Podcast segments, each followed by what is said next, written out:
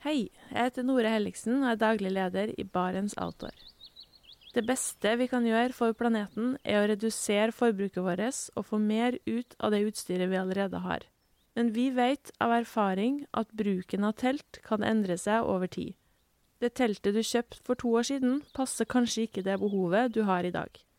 Derfor har vi i Barents etablert en egen panteordning der vi tar imot brukte telt av god kvalitet i innbytte når du kjøper et nytt av oss. Prosessen er enkel.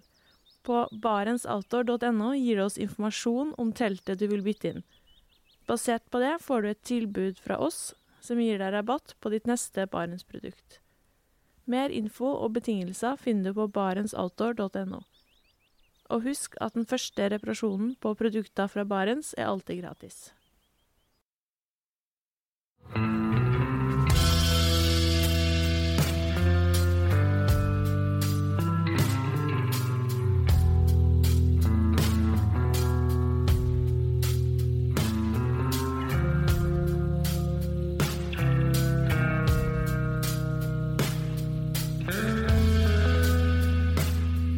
Hei og velkommen til podkasten Uteliv. Mitt navn er Randulf Valle. I dagens episode skal vi få være med til Himalaya og til Svalbard, og på turer i norske fjell. Underveis så skal vi snakke om sikkerhet og risikovurdering. Og dagens gjest har et såpass bevisst forhold til det her at det var med et smil om munnen hun under sitt andre forsøk på å nå toppen av Mount Everest valgte å snu i leiren på Sørskaret på drøyt 8000 meter over havet og sette kursen ned igjen. Velkommen til Guri Anne Hansen.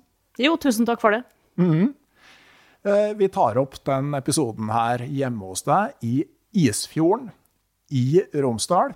Fjell på alle kanter. Altså, ja, nå viste liksom utsikten, og ja, der har vi Romsdalseggen, og der har vi Vengetind, og det er litt som å bo i et sånn slags postkort. Ja, vet du at eh, vi som bor her i, i Romsdalen og Rauma kommune, vi bor eh, i et fantastisk eh, stykke Norge.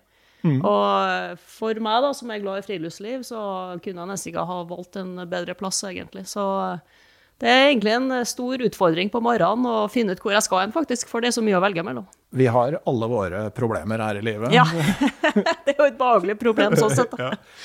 Eh, Du kom hjem fra eh, jobb på Kristin-plattformen i Nordsjøen i går. Stemmer det, kom hjem sent i går kveld. Ja, og det er jo da rammen rundt det faste åpningsspørsmålet. Har du hatt en fin tur eller naturopplevelse nå i det aller siste? Ja, hvis du tenker på plattformen, så, eh, så hadde det jo vært 14 meget interessante dager, da. Eh, Vi har jo hatt besøk av stormen Ingunn, blant annet. Eh, Og det var jo faktisk tett opp til en 100-årsstorm. Og for min del, og mange andre av mine kollegaer på plattformen, har jo aldri opplevd maken til uvær noensinne, offshore, da. Så eh, det var ekstreme krefter i sving, og det var litt skade på plattformen, men Kristin-plattformen klarte seg utrolig bra. Er det mye sjøgang da, eller? Ja, vet at vi hadde vel opp til 27 meter bølger. Eh, vi hadde tett oppunder 120 knop i kastene, og orkan startet på 63 knop. Så været var, var skikkelig heftig. Så eh, det var mye risting, og det var eh, hva skal jeg si, mye uling og mye lyder, men plattformen var fantastisk stabil til å være så røff sjø. Ja. Fascinerende, egentlig. 27 meter, altså det er jo da tre stupetårn fra Pirbadet oppå hverandre. Ja, sånn cirka. Hvor- lang er de bølgene? Hva er Oi, det varierer veldig avhengig om det er oppegående storm eller eh, nedadgående og den biten der, men det akkurat meter, det, det har jeg ikke i, i hodet. nei, men er sånn for, altså, Jeg vokste opp i Gausdal hvor du lærer deg å svømme i elva, fordi det ikke fins. Altså, Er det på en måte, er de omtrent like lang som de er høy, eller er de vesentlig lenger? Nei, det, det kan variere, men det er nå i hvert fall eh, like håper jeg like vid da, som, som høy. Da. Så, men eh, nei, det var fascinerende. Det, det kokte jo havet. Eh, Bølgetoppene de skumma jo, og det var Ja. Men har, du, har dere fortsatt supply-skip og sånn ute der i sånt vær, eller er Nei, de nei, da. De, eh, vi har ikke noe supply-skip offshore lenger. Så Nei. de ligger godt tjora i havn, og det tror jeg jeg skal være glad for. Så Ja. jeg var glad jeg ikke var på båt, for å si på den måten, i det været der, for det var heftig. Ja, Det fins jo noen sånn produksjonsskip ute der òg, gjør det ikke det? Stemmer det. Vi, rett bortafor oss eh, så har vi jo Oskar A. Mhm. Så de eh, rapporterte om eh, alvorlig sjø, ja, og fikk jo faktisk en alvorlig skade òg, med at et eh, vindu ble slått inn, faktisk, Ja. på åpne dekk. Og det er svært sjelden jeg har hørt om. Mm. Så det var heftig. Ja.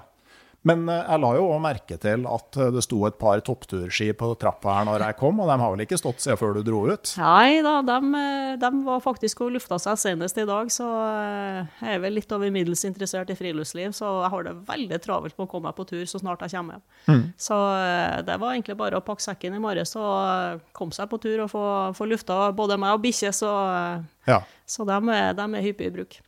Kom du deg langt på tur, eller? Ja, det- ble en liten tur eh, inn i Skorgedalen. Så mm. du har fine fjell der, så både Skarven og Smørbåten, så det ble en liten tur opp mot Skarven. Kjempekjekt. Det fine med å bo fast, det er jo at du på en måte Hvis det er en sånn helt grei dag, så må du jo ikke opp på noe topp eller noe sånt. Nei da, nei da. Det, jo, det handler om å ha fine naturopplevelser.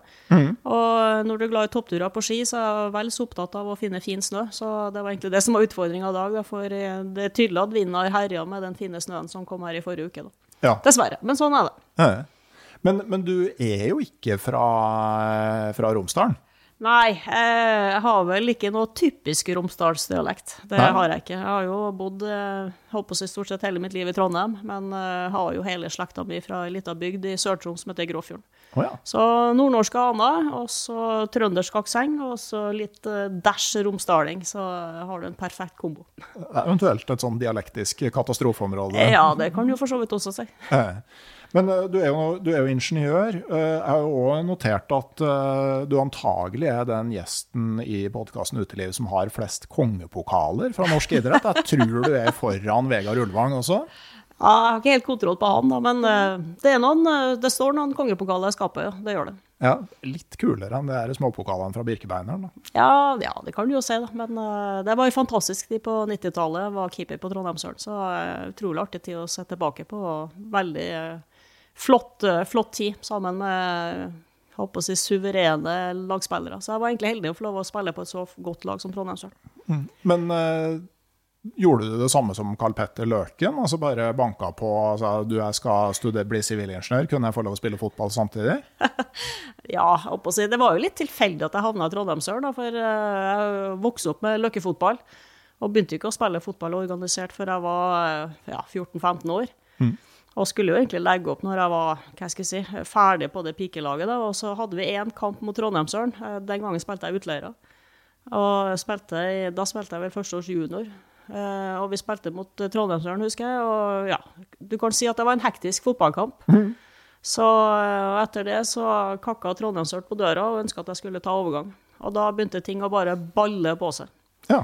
Og parallelt så begynte man å studere på NTH, så da kombinerte, kombinerte man jo studier med, med håper i Trondheimsøl. Mm. Ikke noen fritidsproblemer, med andre ord? Nei, det, du kan si at uh, fritida gikk med til å spille fotball. Men det er jo, eh, som det viser når man, av og til er det bra når du er keeper å spille på et ganske dårlig fotballag. Da. Ja, ikke sant? Akkurat nå så slo det jo heldig ut, da. Så nei da, det var litt tilfeldig at jeg havna i Trondheimsølen. Det var, hva skal jeg si, veien ble til etter hvert som man gikk, egentlig. Så jeg hadde ingen ambisjoner i hele tatt eh, når jeg var i yngre dager om at jeg skulle bli noe toppspiller. Det, det bare ble sånn. Og så når du kom til Trondheimsølen, så oi sann, da fikk du ny motivasjon. Ja, Men uh, friluftslivet altså, kan ikke bli sånn veldig mye tid til eh, turliv i en sånn hverdag.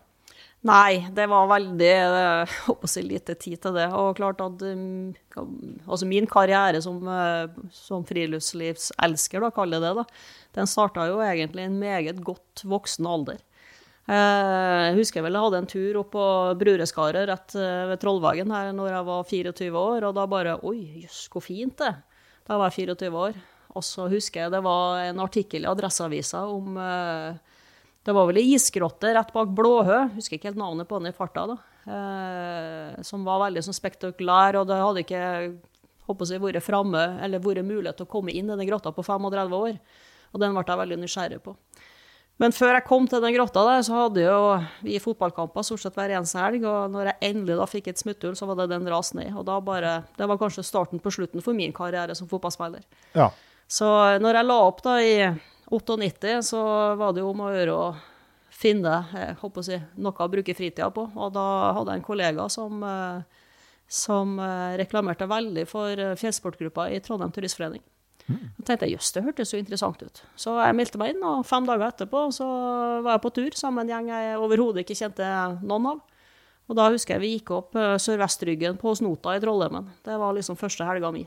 Mm. Samme fjellsportgruppa i Trondheim Turistforening tilbake i oktober 1998. Mm. Og siden så har det bare balla på seg. Ja, for å si det kort. Ja, det, det, skal vi jo til dels komme tilbake til her. Men vi tenkte i dag at vi skal ha et litt sånn der risiko- og sikkerhetsperspektiv når vi mm. snakker om noen turer du har vært på som i seg sjøl er svært interessante. Eh, men eh, det du skriver om litt, altså du har jo egen hjemmeside og holder noen foredrag, og det du snakker om er, og som du kommer tilbake til, er barrieretenk fracking. Og da mm. har jo jeg vært ute og googla litt grann ja. hos Petroleumstilsynet og fant ut at eh, det handler om å etablere og opprettholde barrierer, sånn at man til enhver tid håndterer risikoen en står overfor. Gjennom å forhindre at uønskede hendelser eller skader inntreffer, eller begrense konsekvensene dersom de inntreffer. Og det, det er sånn dere det er en måte dere jobber på altså i petroleumsbransjen? Ja da, det er hverdagen vår uh, der ute. Det er jo egentlig barrieretenking, og ikke minst noe vi kaller A-standard handlingsmønster. Så det gjennomsyrer egentlig absolutt alt det som skjer der ute. Og det gjøres jo absolutt alt vi kan egentlig for å håndtere risiko og gjøre det her sikkert og trygt i uh, hver eneste dag. Mm. Så arbeidshverdagen vår er prega av akkurat det du sier der. Mm. Og vi kan jo ta med at altså, Det handler liksom å uh, opprettholde barrierer, og så er det først å forhindre uønskede hendelser. Mm. Og så å begrense konsekvensene. Og det er jo en grei prioritert rekkefølge. Ja da, konsekvensreduserende barrierer, som vi kaller det. Mm. Men at uh, første pri er å forhindre, og, ja. uh, og, og, neste pri er å begrense. Ja. Men, men, så er det ikke sant, når, når jeg begynner å titte på det her, så tenker jeg på barrierer. altså Jeg tenker på noe fysisk, jeg da. på en måte mm. Som et gjerde eller ja. et skjold, liksom. Men, men, det er jo mer enn det. Ja da. alt på å si Barrierer, det, det, er så mye, da. Eh, klart at Vi gjør jo alt vi kan for å unngå det. Og da har vi jo på en måte ja, tre typer elementer, barrierer, som vi på en måte definerer. Det, det, ene er organisatoriske. altså Da har vi jo prosedyre, spesifikasjoner, eh, krav som vi må forholde oss til. Og som vi da bruker egentlig når vi planlegger arbeidsoppgaver vi skal gjennomføre. Eh, altså tekniske barrierer, det kan jo være eh, når vi skal opp i et stillas, eh, arbeid i høyden, så etablerer vi eh, avsperring, sånn at ikke folk kan komme seg innenfor eh, om, området for å rett og slett unngå, unngå fallende gjenstand. Eh, verktøy som er med oppe, det sikres jo. Så det er jo eksempler på det. vi har jo menneskelige barrierer. Det går jo på at folk som skal gjøre et stykke arbeid der ute, har jo kompetanse til det de skal gjennomføre. så. Og så ikke minst erfaring, da, og kjenne jobben godt. da. Ja, jeg har snakka med litt sånn altså, De sier jo at altså, hvis du har vært ute en stund, så kan du jo høre om noe er unormalt i anlegget. Ja da, eh, du hører lyder. Altså, F.eks. drift, da, eh, de har jo sine runder hver eneste dag. Og klart at eh, på de rundene så, så, så, registrerer de unormale ting hvis det er noe. da. Så det å ha personell som har god plattformkunnskap er jo gull verdt for å drifte plattformer på en sikker måte. Mm. Og det her blir jo litt sånn, ikke sant? Det blir jo det som Nils Faarlund i Friluftslivet kaller mønstergjenkjennelse. Ikke, ikke sant? Altså, du vært, hvis du har vært mye ute og sett mange mm. situasjoner, mm. så oppfatter du mye raskere at noe enten bryter med mønsteret eller ligner på et mønster, en situasjon som en annen gang har gitt et utfall du skal være oppmerksom på. Absolutt. Og eh, f.eks. når jeg går i fjellet, så går jeg aldri med pods i ørene. For jeg vil på en måte høre hva naturen forteller meg. Mm. Altså Det kan være skredproblematikk, det kan være andre lyder eller skred for den saks skyld. Så det å på en måte eh, være til stede i naturen er jo gull verdt. Ja. For å eventuelt prøve å være i forkant hvis det skulle skje noe. Mm. Og så tenker jeg at altså, sånn Organisatoriske barrierer høres jo veldig sånn strengt ut, men, men, det handler jo i stor grad om å ha blitt enige om hvordan en del type arbeidsoperasjoner skal utføres. Og det er ikke så vanskelig å overføre det til den tanken til en tursetting da, på ei gruppe som skal på tur sammen? Nei da, overhodet ikke. Eh, gruppa blir jo enige om hvor man skal dra på tur. Og så eh, er jo på en måte Ei eh, gruppe er jo veldig dynamisk. Eh, du har jo noen som er, kan gjerne være litt sterkere enn andre. Du har ulik kompetanse på folk. Men sammen så blir det veldig bra. Og så velger man en, en tur som på en måte passer hele gruppa. Mm. Så det er jo bare et sånt helt typisk eksempel på det. Mm. Men det kan jo òg være f.eks. at man har blitt enige om hvordan Altså en måte sånn at alle skal tørre å si det ja. de faktisk tenker. da. Altså Hvordan sikrer vi at alle tør å si fra? Absolutt. Og det er mm. utrolig viktig, akkurat det du sier der, at folk tør å, å si fra. Mm. Og ikke minst er redd for det. For uh, det skal man faktisk ta hensyn til også når man er på tur i fjell. Det er ekstremt viktig. Mm. Nei, og så er det jo noe med sant, at når, når, det er veldig sånn viktige barrierer, uh, så har man gjerne måtte, flere uavhengige systemer. Det er det man mm. kaller redundans. Når jeg stikker ut og tar, tar opp podkast, så har jeg alltid med én mikrofon, én kabel og én opptaker mer enn jeg trenger. Ikke sant. Ja, ja, det er jo litt typisk. Da har ja. du ekstra redundans. ja. Sånn en ting jeg fikk med meg. ikke sant? Mye, mye i, i, den uh, offshore oljebransjen handler jo om ting som er under trykk. Mm. Og der har man jo ikke sant, flere uavhengige uh, metoder for at uh, hvis trykket blir for høyt, så skal det kunne avlastes. Ja da, det er korrekt. Ja. Mm. ja. Og at de, liksom, noen er så enkle, jeg visste ikke om noen er så enkle som at det bare er satt inn liksom, en, en metallbit som skal revne ja. ved et gitt trykk. Altså, ja, sånn, det, det, er liksom på en måte ingen, eller veldig lite, som kan gå gærent. da, Hvis ikke noen satte inn en feil tjukkelse. Ja, men ting må gjøres eh, riktig hver eneste dag. Så eh, alt handler om egentlig å gjøre riktig vedlikehold. Eh, og redundans, som sagt et, er det et system som går ned, så er det et annet system som overtar. Og så har vi jo automatiske sikringsfunksjoner som overtar hvis det skal skje et eller annet. Mm. Automatisk nedstengningssystem osv. Så, videre, og så, mm. så det å jobbe på norsk plattform i dag, det er, det er, veldig, veldig veldig sikkert. Og litt tilbake til Ingunn og den orkanen som var da. Det, det var ingen som følte seg utrygg om bord. Det var kanskje den beste plattformen å være på. Mm.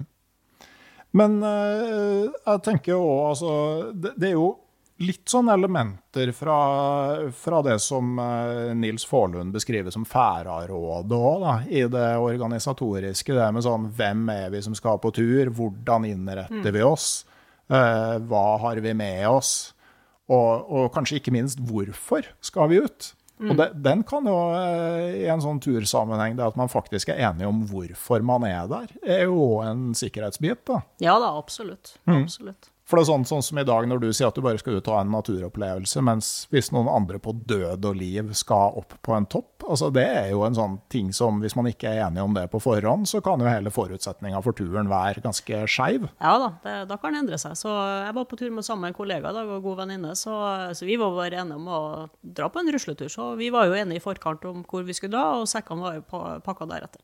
Mm. Det skulle ikke være noe langtur, vi skulle ut og bare kose oss og ha det kjekt, og hundene skulle få lov å springe og leke og fjase. Så helt perfekt. Mm. Uh, tenker jeg også Vi kan ta med oss inn i, inn i friluftslivet det der med, med, redundans, altså med uavhengige systemer. altså Tenke gjennom mm. hva av det du har med deg, er det du ikke kan klare deg uten. Ikke sant. Mm. Det å pakke sekk er i hvert fall jeg ekstremt opptatt av. Eh, sånn at eh, sekken er pakka sånn at jeg kan håndtere hvis ting skjer. Det vil si at eh, altså, ting skjer. Altså, du kan jo tråkke over, du kan få en vridning i kne eh, når du kjører på ski. Eh, men først og fremst er det utrolig viktig at du gjør et stykke arbeid når du skal planlegge en type tur. At du eh, på en måte gjør alt du kan for at du unngår at ting skjer. Mm. Eh, og Da er vi litt tilbake på den barrieretenkinga. Men klart at hvis da ting skjer, så skal du ha eh, ting i sekken som gjør at du kan ta vare på deg sjøl. Så eh, det er i hvert fall et bevisst forhold som jeg har med meg når jeg er på eh, stort sett alle turer. Og jeg går jo en del alene. Jeg er jo offshorearbeider. Jeg har jo fri på dagtid når alle andre er på jobb. Og da bruker jeg å velge turer eh, som ja, ikke akkurat pinglete, men jeg drar ikke på de mest ekstreme turene alene. Det gjør jeg ikke. Nei. Og drar jeg på turer der jeg vet at det, at, det ikke er dekning, så har jeg jo sikkerhetsutstyr som på en måte passer den type turen, f.eks. en nødpellesender. Ja. Så at eh, jeg kan få hjelp. ja. Nei, for det er klart, en, en, en turkompis er jo også en barriere. Ja da. Det, det er jo på en måte en barriere mot at et beinbrudd, eller at du, ble, hvis du blir slått bevisstløs, så er en turkompis en barriere mot at du blir liggende og fryse i hjel. Absolutt. Så det, det er noe med det jo. Ja, og, og når du ikke har den, så må du da prøve å sette inn noen, noen andre barrierer, som f.eks. kan være i form av hvilken tur du velger. Ikke sant. Så, eh, så jeg er veldig sånn pinglete, kaller jeg det, da, når jeg går alene. Eh, Jeg snur heller en gang for mye enn en gang for lite.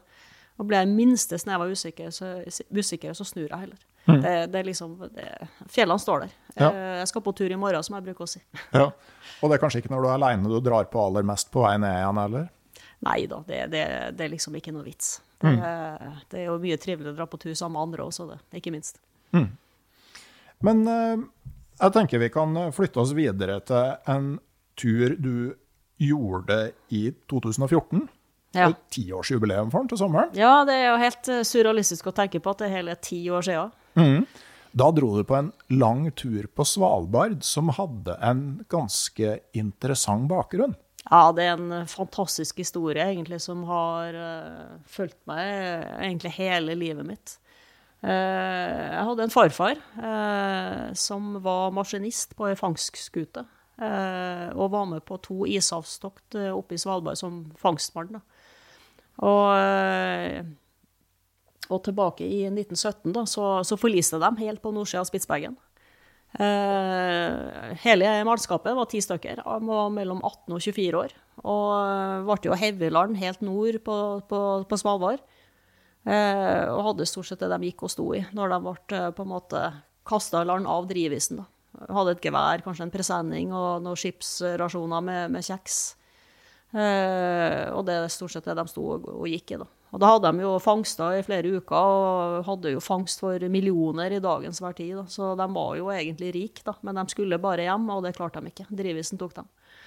Så der sto de da, og visste jo utmerket godt at uh, eneste måten å berge livet, det var faktisk å gå tilbake til Longyearbyen.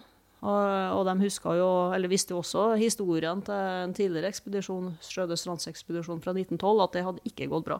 Der omkom jo samtlige, da På vei tilbake til på veien tilbake. Eller det, det var en veldig sånn spredd gruppe, da. Noen prøvde jo å gå tilbake, og det gikk jo ikke bra. Så, men de hadde ikke noe valg. Det var ikke noe å ringe noe redningshelikopter i de tider, i 1917. Så de eh, marsjerte i vei og hadde jo enorme utfordringer, da, som jeg har klart å få tak i informasjon om. Hvordan de kryssa breia fjordarmer for å balanserte på isflak. Eh, vassa i elver med nesten opp til halsen i isvann. Og eh, kom til, til Longyearbyen og var mer død enn levende, faktisk. Ja. Og dette er en historie som egentlig har fulgt vår familie eh, siden jeg var lita jente. Har du hørt bestefar din fortelle om det sjøl? Ja, ikke så mye. Eh, Han har fortalt litt. Men eh, han døde når jeg var ti år gammel. Så eh, jeg har liksom ikke den hele historien fra han. Det er litt synd, da, men håper jeg, på drar jeg hjem til foreldrene mine, så henger jo historiske materialet henger jo i hele huset.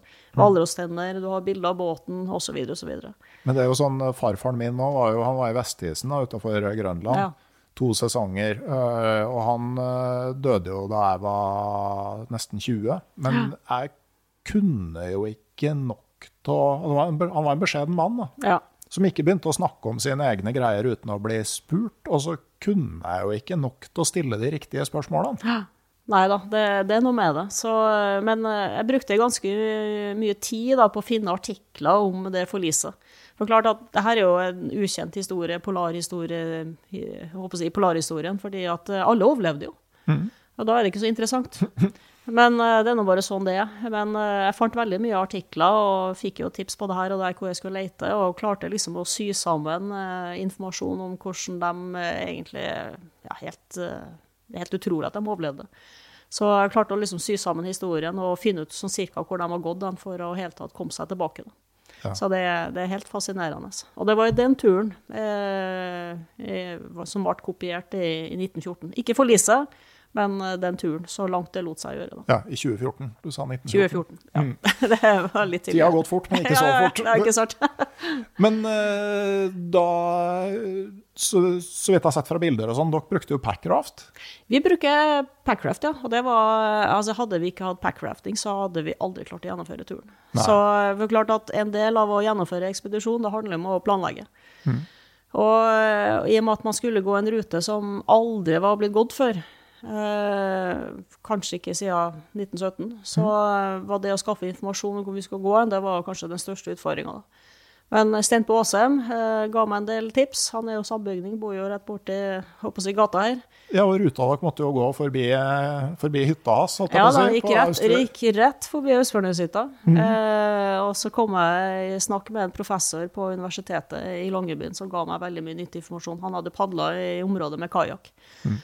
Eh, så da opparbeidet jeg kunnskap om hva som kom til å møte oss av hindringer. Eh, og skjønte jo fort at vi måtte ha med, oss en båt for å kunne forsere brearmer, elver osv. osv. Eh, I 1917 så får de hoppa på isflak, men klimaet endrer seg jo. Så den muligheten hadde jo ikke vi. Heldigvis, Nei. vil jeg si. Og, og kanskje også hvis du skulle begynne med litt sånn risikoanalyse, så det å hoppe fra isflak til isflak foran en brefront, Ja. altså hvordan er barriere Det er ikke så mye barrierer du har igjen da. Nei, da, da har du gått litt langt. Ja. Så Packraft eh, Ja, det var jo faktisk en samtale med deg. Jeg fikk de tipset der. Det var kanskje? Eh, Ja, det stemmer, det. ja, for det var jo ganske nytt egentlig, da. Det var før det egentlig kom til Norge. Så mine to Packraft importerte jo jeg fra USA. Ja. Så, så jeg fikk tak i dem litt tidlig, for jeg fant ut at uh, det her var meget spennende. Så jeg var og testa dem uh, ganske god tid i forveien og fant ut at det her var innertier. Mm. Så uh, fantastisk framkomstmiddel, og vi hadde ikke klart å gjennomføre den ekspedisjonen uten den packraftene. Det hadde ikke vært mulig. Nei. Nei, men det, det er jo tøft. Nei, for jeg, for jeg så jo liksom på en måte ruta ned langs en fjord, over en bre, og så ut en ny fjord. Ja. Men problemet er jo at ut i de fjordene så kommer det jo brefronter, ikke sant? Ja. Og de er ganske heavy òg, da. Så eh, det er opp til 1,4 km var vel den eh, største. Og helt eh, nederst i Vidfjorden, da, da hadde vi jo gått nesten 12 mil, så da møter du en vegg av en bre midt av Glefredbreen.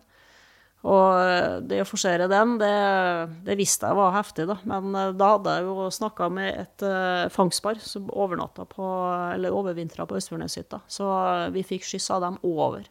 Så vi juksa litt. Ja. Men det var rett og slett pga. sikkerhet. Ja. For det å padle 2,4 km over med små båter med ja, hva skal jeg si, en åpen Vidfjord, eh, risikomessig, så ja, jeg ville ikke jeg hadde, Jeg gjorde vel egentlig alt for å unngå det. Men eh, når dere eh, planla den turen her, da, så hva, var det dere eh, altså For det første, dere var tre stykker, ikke sant? Som, Vi var tre stykker. Skulle Ja. egentlig ha vært fire, men det var vel litt hva skal jeg si, eh, skader som dukka opp i bildet. ja. Ja. Eh, ja, og, og hva var det dere på en måte anså som de største risikoene? Nei, og klart at du- er jo på Svalbard. Eh, isbjørn er jo en absolutt eh, en stor fare. Du vet aldri når han dukker opp, og han dukker opp når det minst eh, venter at det skulle skje. Så eh, det var jo en fare vi måtte ta hensyn til. Altså Brefrontene var jo én ting. Eh, vær og vind. Eh, altså Ting eh, kan jo skje, vi kan jo skade oss. Så du, jeg brukte jo veldig mye tid på å finne ut hva som ville møte oss som klimamessig sett. Eh, naturen i forhold til isbjørn. Hvalross. Jeg var egentlig mer redd for hvalrossen enn for isbjørn, eh, av at vi skulle padle med packraft. Og klart at Den har voldsomme støtender, eh, og klart at du har hørt om episoder med kajakkpadlere som eh, har måttet avbryte sin ekspedisjon pga. et besøk med hvalross. Ja, Så det- egentlig hvalrossen jeg var mest redd for pga. packraft. Jeg husker jeg prata med Birgit Rynningen, og hun var jo med på en sånn tur hvor en faktisk fikk liksom spidda høl i kajakken av en hvalross. Men jeg lappa det og padla videre. Ja, ikke sant? Det er imponerende. Ja, det, jeg tenker Da har du en kajakk som er et uh, klenodium. Bare Ja, ikke sant? Her. Det Ja. er et høl etter en hvalross. Men, men sånn som eh, Sånn som isbjørnen, da. Altså, ja, hvordan, eh, hvordan skaper du barrierer i forhold til den? Eh, jeg hadde jo med meg bikkja mi på turen. Mhm. Eh, det er jo en samojed. Eh, de har jo urinstinkt som varsler. Jeg husker jeg hadde en prat med han Stein P, og han hadde ikke noe sånn særlig troa på samme gjedd som varslere, men jeg tenkte ja, ja, han har i hvert fall en kompis med på tur, da, så hun ble jo med på turen. Mhm. Eh, så selvfølgelig isbjørnbluss. Eh, det er jo et must. Ja, snublebluss Eh, rundt. Snublebluss, ja. Så eh, og klart at det er jo Vanligvis så setter vi opp én runde. Vi satte jo opp eh, å si, to nivåer. da. Én i knenivå, og så hadde vi jo en litt høyere opp. Så, eh, og så hadde vi jo i tillegg lagt ut lokkemat. Så, sånn at vi visste at isbjørnen ville gå dit først, da, mm. med stor sannsynlighet. Da, for de, de er jo ikke dumme heller, de jo, går jo enkleste vei. Ja. Og så var det jo det direkte eh, Ut ifra teltåpninga så ville vi jo se mot isbjørn, da, hvis han da sto og, og spiste. da. Og i mellomtida så hadde vi jo håp om at bikkja kom til å, å vekke oss, da. Og det gjorde hun. Eh, vi hadde jo faktisk et heftig isbjørnbesøk eh, på dag to på turen. Oi. Eh, det var Så jeg har stått en halvmeter unna isbjørn og har liksom fått eh, ja, jeg er ferdig med isbjørn, for å si det på den måten. da. Men Ja. eh, akkurat da så lå vi i et uh, fangstskur, kaller jeg det. da, Litt av trehytte, da, plankehytte på fire kvadrat. Uh, Vedovn der, så det var jo Guds lykke. Og barrieremessig så er det jo, det er jo mye bedre å ligge i plankebuen enn et telt. Så, og i hvert fall når det var vedovn. Så vi lå der, da, og bikkja lå utafor som vakt. Så ja, vi hadde vel sovet to timer, og plutselig så hører vi et leven uten like utafor. Og vi kikker ut gjennom det knøttlille vinduet på, sånn, eh, på størrelse med et A4-ark. Og der ser jo jeg rett inn i trynet på en isbjørn. Og bikkja står to meter utafor. Hadde du pulsklokke på det der? Nei, det skulle jeg kanskje ha. Den det tror jeg har blitt sprengt skala på. Ja, sånn Så, fra, fra eh, sovende til 220 på et nanosekund. Ja, og jeg bare tenkte fader, hva, hva skjer med bikkja nå? Så, eh, men klart at det, det som var feilen som vi gjorde den gangen, det var jo at vi hadde ikke sjekka at eh, bikkja hadde spist opp maten sin. Ah. Så det snuste faktisk Bjørn opp. Så den hundematen som lå klin inntil hytta, den lå han og forbarma seg over. da. Eller han sto og så og spiste. Han var strålende fornøyd med å spise hundemat, i hvert fall. Ja. Så, eh, men eh, det gikk noen minutter, og så fikk vi opp eh, døra i sikker posisjon og tok en et par skudd med signalpistolen, så, så forsvant han da. Og bikkja var strålende fornøyd med å, med å skremme bort isbjørnen, så Så jeg fikk virkelig testa instinktene hennes. Ja, Nei, for at sånn, du kan jo si sånn barrieretenking, så når du legger opp en tur som det der, så har du på en måte egentlig brutt den barrieren med å ikke campe i strandsonen. Ja da, det, det er sant, det. Ja, sånn at det betyr at du må være mer forsiktig med det andre, ikke sant? ja Altså, da, du- ikke sant. Det henger jo sammen. Ja. Nei, og så eh, Ja, vi, altså, vi bomma vel kanskje litt den natta der. Vi, vi tok det kanskje litt for gitt å ligge i hytte var mye tryggere, men vi burde ha satt opp bluss i tillegg utafor. Det er jo egentlig det som vi bare Shit, her har vi faktisk bomma. Så, men eh, OK, lesson learned. Eh, Neste gang så var det jeg håper å si, litt mer fokus på å få opp den der isbjørnblussene også når vi lå i hytte. Da. ja. Så, men greit. Man lærer jo hver eneste dag. Så vet jeg folk som har padla der, som har merka at det er Altså sjølve blusset korroderer og utløser ikke når du er så mye i nærheten av saltvann. Ja, ja ikke sant. Det, det er jo et moment til. da. Eh, Vi kjøpte nye bluss da, for å være helt på den sikre sida. Så testa vi en i tillegg, så det, da tok vi sjansen på at resten fungerer. da. Men klart at det er en risiko, det. Men, men klart at da hadde jo isbjørnbluss, og så visste jeg at jeg hadde bikkje som kom til å varsle. Så, eh, så vi hadde isbjørn eh, senere på dagen òg, samme dag, så det var, det var en heavy start på turen. Og vi bare tenkte shit, har vi nok skremmeskudd? Ja. Så klart det var tunge nok sekker som det var, så det å bære med seg mer enn man måtte, det, det ønska vi ikke. Nei, hvor, hvor mange dager satte dere av? Ja, vi var borte i ca. tre uker. Så, og klart at uh, sekkene våre uten mat uh, veide jo 25 kilo. Ja. Så da hadde vi packraft og telt og alt, og så kommer jo maten i tillegg. Så sekken min på det tyngste var 32 kilo. ja. Så det var nok. Mm. Hva kan man ha med av våpen når man er en sånn gruppe på tre? Ja, vi hadde jo med signalpistol, og så hadde vi med en, eh, et gevær, Mauser. Og det er jo rett og slett for å, hva skal jeg si, eh, gjøre, eller drepe han da, hvis du Ja. må det da. Men, eh, men vi slapp jo heldigvis det da. Men eh, det er jo visse krav som sysselmaren, eh, eller sysselmesteren som det nå heter, stiller til ekspedisjoner i forhold til sånn type utstyr da. Ja. Som vi bare må forholde oss til som, som turister da. Ja, det er jo det tenker jeg er fornuftig det å ha med mauser. Ja, så eh, det er klart at vi, eh, vi var jo ei gruppe på tre, og to av dem som var med, var jo jegere. Eh, Og vi hadde jo et avtalt et handlingsmønster hvis vi skulle havne i en sånn situasjon. Så eh, min oppgave var vel egentlig å dokumentere det. Eller? så, så jeg hadde jo på en måte den litt sånn mer behagelige jobben. Så det isbjørnbesøket som jeg snakka om for noen minutter siden, det er vel dokumentert på video, faktisk. Ja. Så det er et eh, fantastisk artig videoopptak der du ser dramatikken, og så ender det opp med et intervju med meg sjøl der håret står til alle kanter, og det campingtrynet der, det er tidenes campingtryne. Ja. Så når jeg viser det på foredrag, så aner du spenninga av salen, og så knekker jo hele sammen i latter når de ser det campingtrynet til slutt. Rude awakening. Ja, ikke sant? Så eh, OK. Men, men hva du trenger av tillatelser, forresten, for å, eh, for å gjøre en sånn tur? Altså, det viktigste er jo god kontakt med sysselmannen den gangen, da. Eh, Der du på en måte legger fram eh, turen. Eh, Du må dokumentere kunnskapen til dem som skal være med. Og så får du en tillatelse til å gjennomføre turen. Så det, det er ikke noe sånn hokus pokus, da. Men det er bare å planlegge og ha god kommunikasjon med dem, og bruke hjemmesida deres aktivt. Så står egentlig informasjonen du trenger der. Ja. Men, men det er jo på en måte òg bra fordi det tvinger folk til å planlegge. Det tvinger folk til å planlegge, fordi at Sysselmannen eh, stiller krav. Det er akkurat det du sier der. Og har jo også krav til garantier hvis de må gjennomføre en redningsaksjon. Men klart at eh, da har du bomma, hvis du har kommet dit. Ja, ja da. Og så, er det jo altså Hjerteinfarkt kan du jo eh, vanskelig det, det er jo sånne ting. Kan jo heller beinbrudd. Det kan jo skje på glatta her òg. Ja, ja, ja, selvfølgelig. Sånn at, eh, men man, eh, man vil jo helst unngå, eh, unngå det, ja. Men sånn som med de brefrontkryssingene, altså, hvordan, kan man, hvordan, kan man lage barrierer der? Du, vi var jo tre personer, vi hadde to packrafter. Eh, klart at eh, været var jo en parameter eh, i forhold til brekryssinga. Og klart at den lengste var jo 1,4 km. Altså det, det høres ikke så langt ut.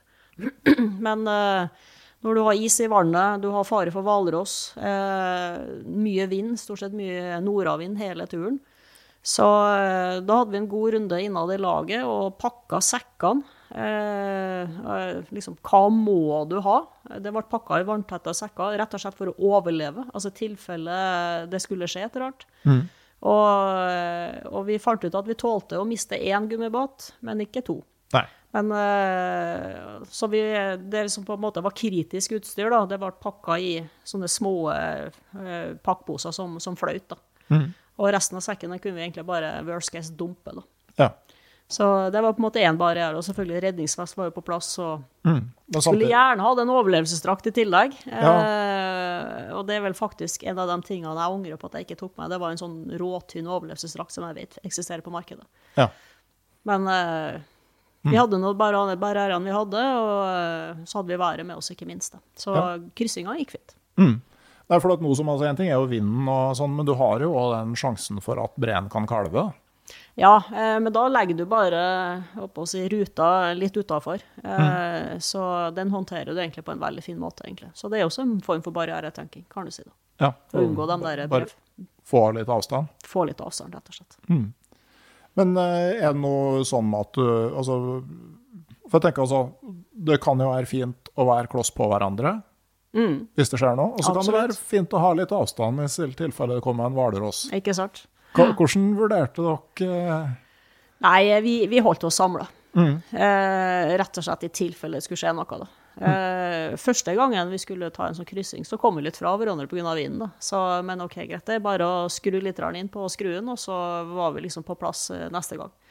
Så, eh, så det Men som sagt, hvalrossen, den, den slapp vi heldigvis. Eh, så det var liksom hver eneste gang vi hadde utført en kryssing, så bare kjente jeg at eh, pulsen sank betraktelig. Så for min del var det største spenninga, det var egentlig brekryssinga da. Ja. Så, eh, og når vi kom over på Isfjordsida, da, så hadde vi en par brekryssinger òg, men da juksa vi litt, og så hadde vi ribbtransport over. Så, mm. så tilbake til 1917 da, igjen, da, så hadde jo de en kryssing over Tempelfjorden på syv kilometer. Eh, de kom jo til en, en liten plass som heter Bjonehavna. Der rev de ei hytte og bygde ei eh, flåte. Så de padla over i syv kilometer. Eh, da var halve mannskapet satt igjen. Eh, Eh, Så vi valgte en mer moderne transport. da. For klart at Å få lov til å rive hytte i disse dager, det Jeg tror jeg er blitt kjeppjaga fra Svalbard, for å si det rett ut. Sannsynligvis. Men tenk, har du, hvordan, hvordan kan de ha følt seg når de la ut på sju kilometers fjordkryssing på en flåte? Ja, vet du, jeg, jeg sa til han pappa når jeg kom tilbake til håper å si, Longyearbyen, eh, at før jeg tok turen, så kunne ikke jeg skjønne at de overlevde. Og etter at jeg hadde sjøl gått turen og sett hva de gjennomgikk, så er det bare helt en vanvittig bragd at de i hele tatt eh, kom det der med livet i behold. Jeg, jeg fatter det ikke den dag i dag. Det Nei. er bare helt utrolig. Med det de hadde og stort sett gikk og sto i. Mm. Men, så, men så er det jo litt sånn, ikke sant, når du er på tur lenge, så merker jo jeg at risikotoleransen har en lei tendens til å bli større. Eh, og det kan jo hende at de på en måte hadde gjort så mye drøyt at de til slutt ikke reflekterte så mye over liksom, så hva er det egentlig vi driver med her. Vi driver og bygger en flåte som vi skal padle over dit. De hadde ikke så mye valg. Nei. Eh, De hadde rett og slett ikke noe valg, for alternativet var å gå over breiene. men eh, der oppe så er det jo tåke. Eh, Var du nede ved strandsona, så hadde de jo tilgang på ved, de kunne fyre bål. Du hadde tilgang på mat. De hadde jo et gevær, de kunne jo skyte sel. Det, det gjorde de ved flere anledninger.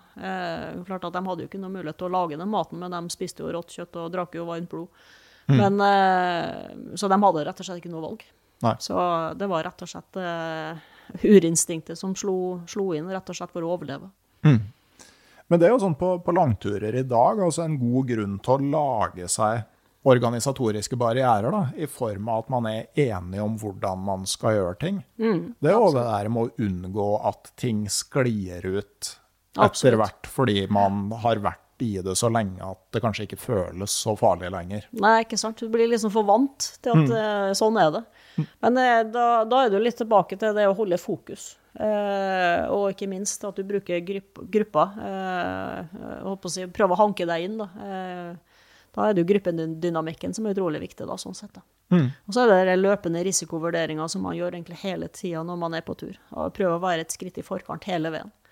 Hva kan skje hvis og om og men? Ok, nå skal jeg ut dit, hva kan skje der? Og så prøve å unngå at eh, ting skjer. Ja. Og litt sånn når du er på fjellet, og jeg skal over et vann. Eh, her, der er det ei hytte. Og så skulle jeg gå gjennom isen. Det, Ja, der er det ei hytte, der er det ei tørrgran. Ikke sant? Da har muligheten til å fyre bål, ikke sant? Ja, og hvis du liksom venner deg til den tankemetoden der, Mm. så går det, det blir, Du kan automatisere det òg. At du liksom eh, Du tenker framover og bakover eh, hele, hele tida for å se liksom, hva kan jeg hjelpe meg med Mm. hvis det skjer. Nettopp. Så det der er essensielt, det du, det du snakker om der. Mm. Prøv å være i forkant hele veien. Ja. Men fant dere restene etter, etter ishav? Du, vet du at vi, vi starta jo turen med å bli satt i land, der vi visste at ishavet hadde blitt slengt på land. Eh, Jeg har jo funnet fram gamle skrifter som sier at eh, ca. så og så lang avstand inn i denne Mosel Bay, da, som det heter på gamle, da, gammelt da, eh, der ble han slengt i land. Og akkurat der eh, jeg trodde det var, der var det veldig mye vrakgods av gamle båter. Eh, vi fant jo bunnstokker, vi, vi fant ror, vi fant det var flere gamle ting. Men om det er fra ishav, det vet jeg ikke. Nei. Men der er det Jeg har liksom Jeg har ikke helt slått Jeg er ikke, jeg er ikke ferdig med historien, da. Jeg vil tilbake. Så jeg har jo en drøm om å ha med meg undervannsdrone og litt sånne ting, for å se om jeg finner motoren etter båten. Den ligger der, garantert. Og da Så- kan man jo også, Og kanskje hvis du får, har fått tak i noen tegninger eller et eller annet sånt, så er det jo kanskje større mulighet for å identifisere endelig. Ja, ikke sant. Og så vet man at eh, båten la ut eh, kjetting, to kjettinger, og på anker, da. To ankre, kjetting. eh, Og at det, der ligger jo pinestramt på havbunnen. Så det er absolutt mulig å finne det. Jeg har i hvert fall troa på det. Så det er liksom den delen av historien jeg ikke er ferdig med. Og så vet jeg jo også at uh, Ishavmannskapet i 1917 de gikk jo forbi uh, en eh, person som hadde omkommet fra den nevnte Strøde strandsekspedisjonen fra 1912. Og i den båsen der så sa jo farfaren min at det var noe mer. Men hva det var, hva det, var det sa han ingenting om. Og den båsen den står der ennå. Så ja. vi gjorde et forsøk å finne, finne den i, tilbake i 2014, men vi fant ingenting. Men vi leta jo på helt på feil plass. Ja, noe mer som i Det vet jeg ikke. Det er jo det som er spenninga. Ja. Så man må jo bare tilbake. ja. Så jeg har en liten drøm om å, å dra tilbake og prøve å finne hva skal jeg si, helt spesifikke rester av, av den fangstskuta. Og så har jeg også et lite håp om å kanskje finne denne grava fra den eh, Reinhald Mosner, tror han het, han som eh, lå død der, da. Så, men de fant jo noe da, eh, tilbake i 2014 som gjorde at eh, Nei, 19, nei 1917. Som gjorde at det var noen norske loser som ble frifunnet, faktisk. ja. Så det er litt viktig informasjon fant de jo og tok med seg. da. Hva du tror du bestefar din hadde sagt hvis han hadde visst? Ja, ikke sant? det var et godt spørsmål. Hadde han syntes det var artig, eller han tenkte at det her er jo helt meningsløst? ja, ja, ja. Nei da, men eh, det, er- det er en fascinerende historie. Og det er en historie som i hvert fall har vært med meg, og kommer til å være med meg så lenge jeg lever. Og klart at eh, Jeg har jo et bilde hengende ute i gangen fra, fra den turen. Jeg har et bilde inne på soverommet mitt eh, som er fra den turen, og klart at det er en fantastisk historie, og en av mine største opplevelser noensinne. Hvordan var det å komme til Longyearbyen?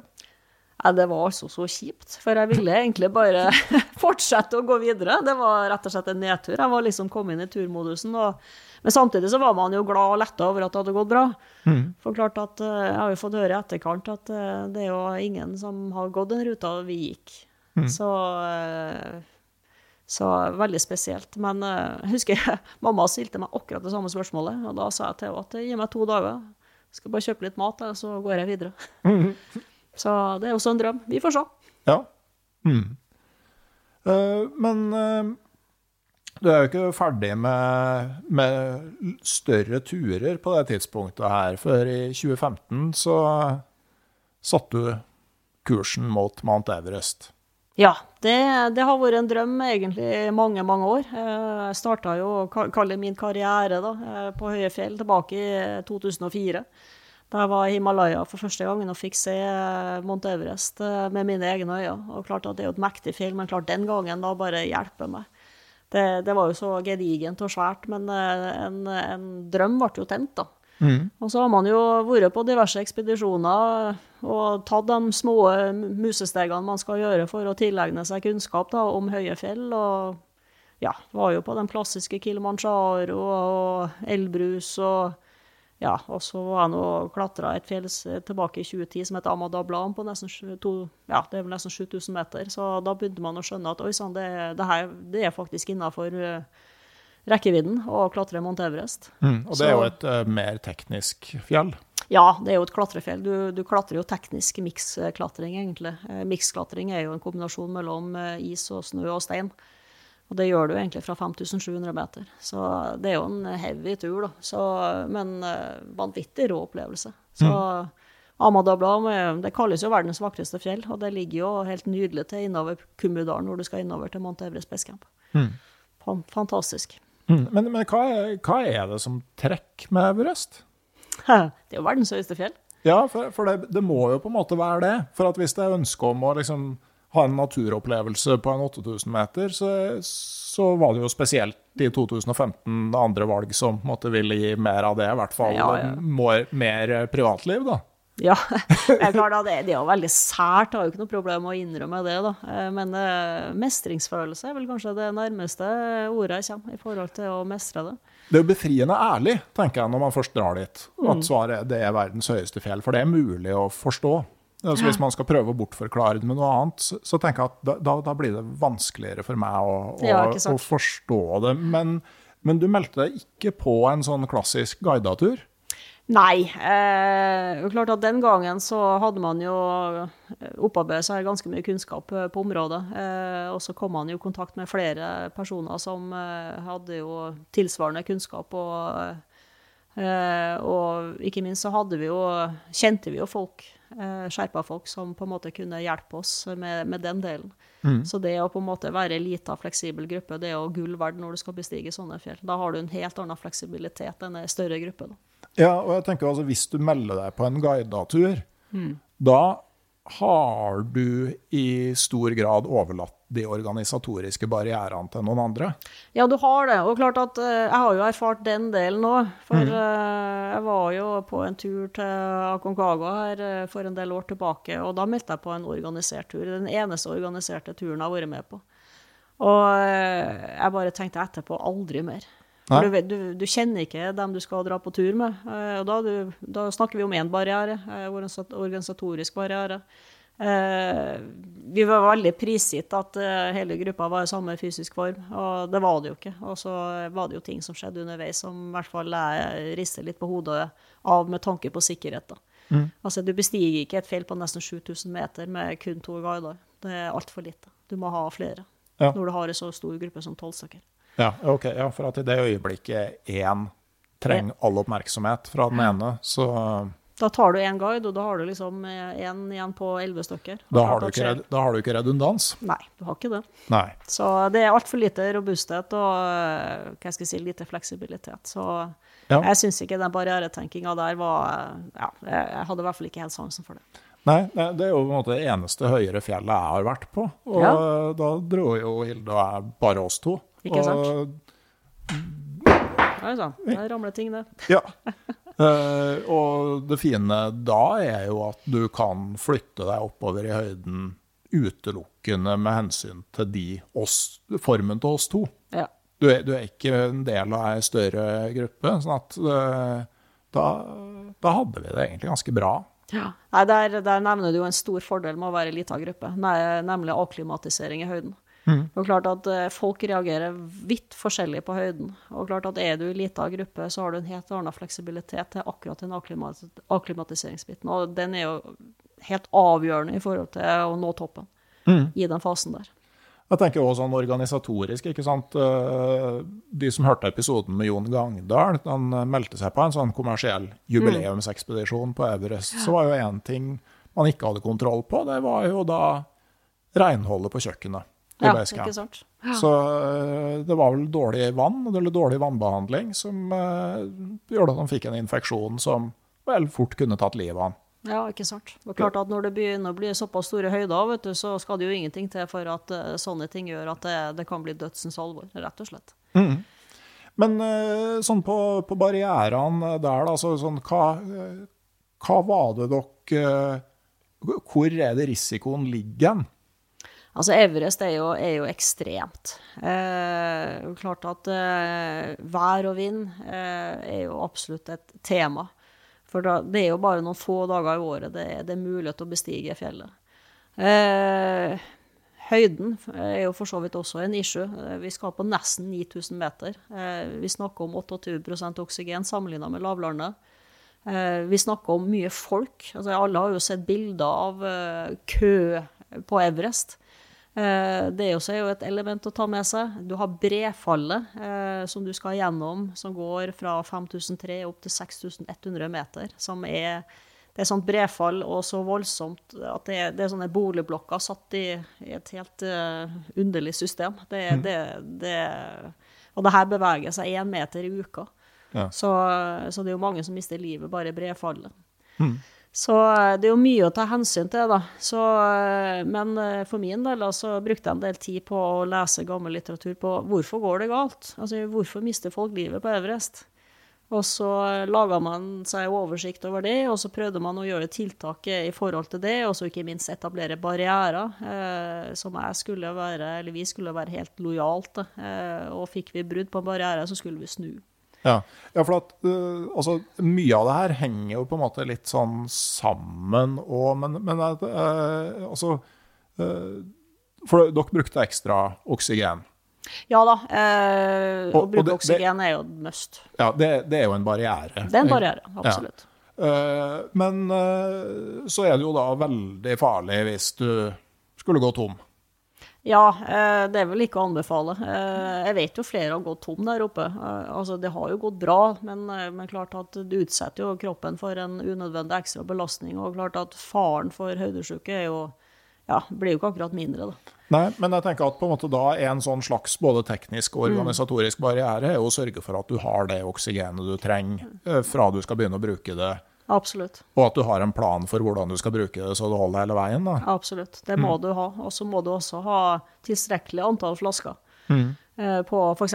toppstøtte, da, som, eh, som, som regel starter på Southcold på 8000 meter. Da. Så mm. jeg hadde jo en barriere på eh, Jeg skulle ha fem flasker på toppstøtet, og så skulle skjerpene mine ha tre. Så det, fikk jeg brudd på det, så skulle jeg snu. Ja.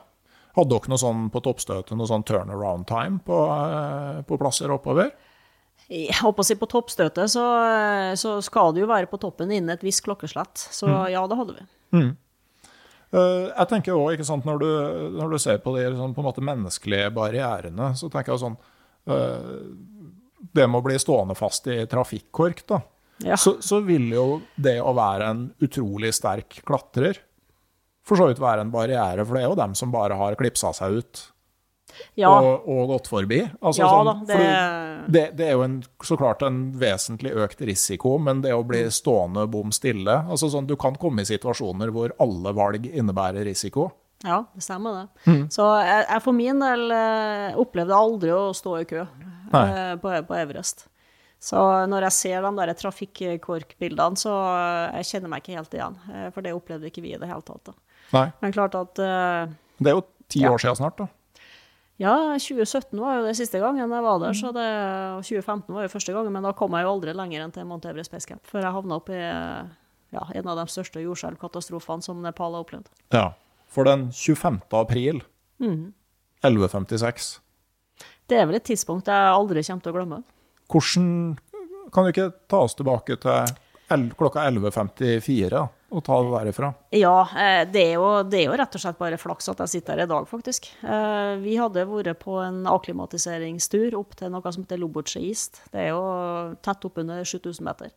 Og det er jo en eh, veldig sånn great grei tracking peak, da, men det er jo en bratt topp og krevende tur. Men en veldig fin akklimatiseringstur hvis du skal bestige Everest. da. Akklimatisering, da vender jo kroppen til høyden. Så vi var på toppen eh, tidlig på morgenen, sånn ca. seks timer før jordskjelvet kom. Eh, og for ned til highcamp og pakka sekkene. Og jeg husker jeg var pakka ferdig før uh, klatreskjerpene var det, og så spurte jeg om jeg kunne bare begynne å gå. Uh, og ja, jeg ble jo bare sendt ned. Og da gikk vi ned i en sånn, ja, kall det traktformasjon da, i ca. 400-500 høydemeter før du liksom kom ned til gressletta, da. Og i den trakta der så er du egentlig du egentlig sperra hvis ting kommer deisende mot deg. da. Det er trakt, rett og slett. Som er bundet ut i gress, eh, gresslette. da.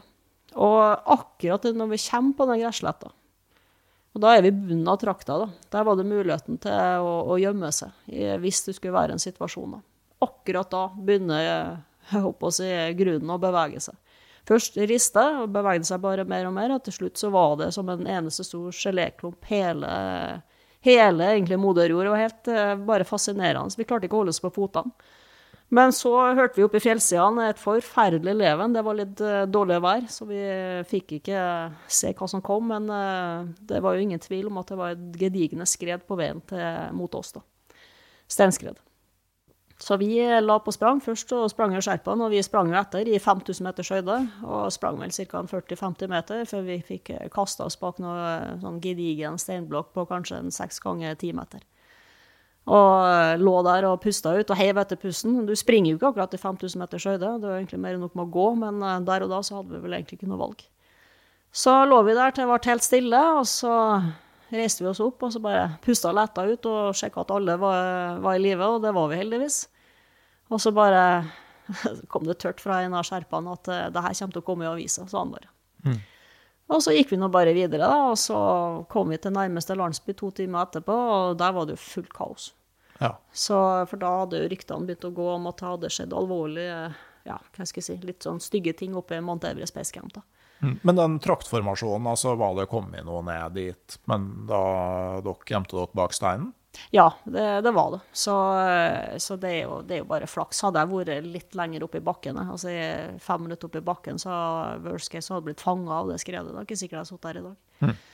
Så eh, Nei da, det var jo litt sånn spesiell opplevelse. Eh, Så, men vi gikk nå tilbake til landsbyen, og da Ja, det var jo kaos. Eh, Vi hadde jo mobiltelefoner med muligheten til å finne nyhetene og Etter hvert som mer og mer tikka inn, da, så satt jo vi og fulgte med VG, faktisk. For da, der var det jo egentlig mye mer oppdatert enn all annen informasjon vi fikk fra det som skjedde i Nepal. da.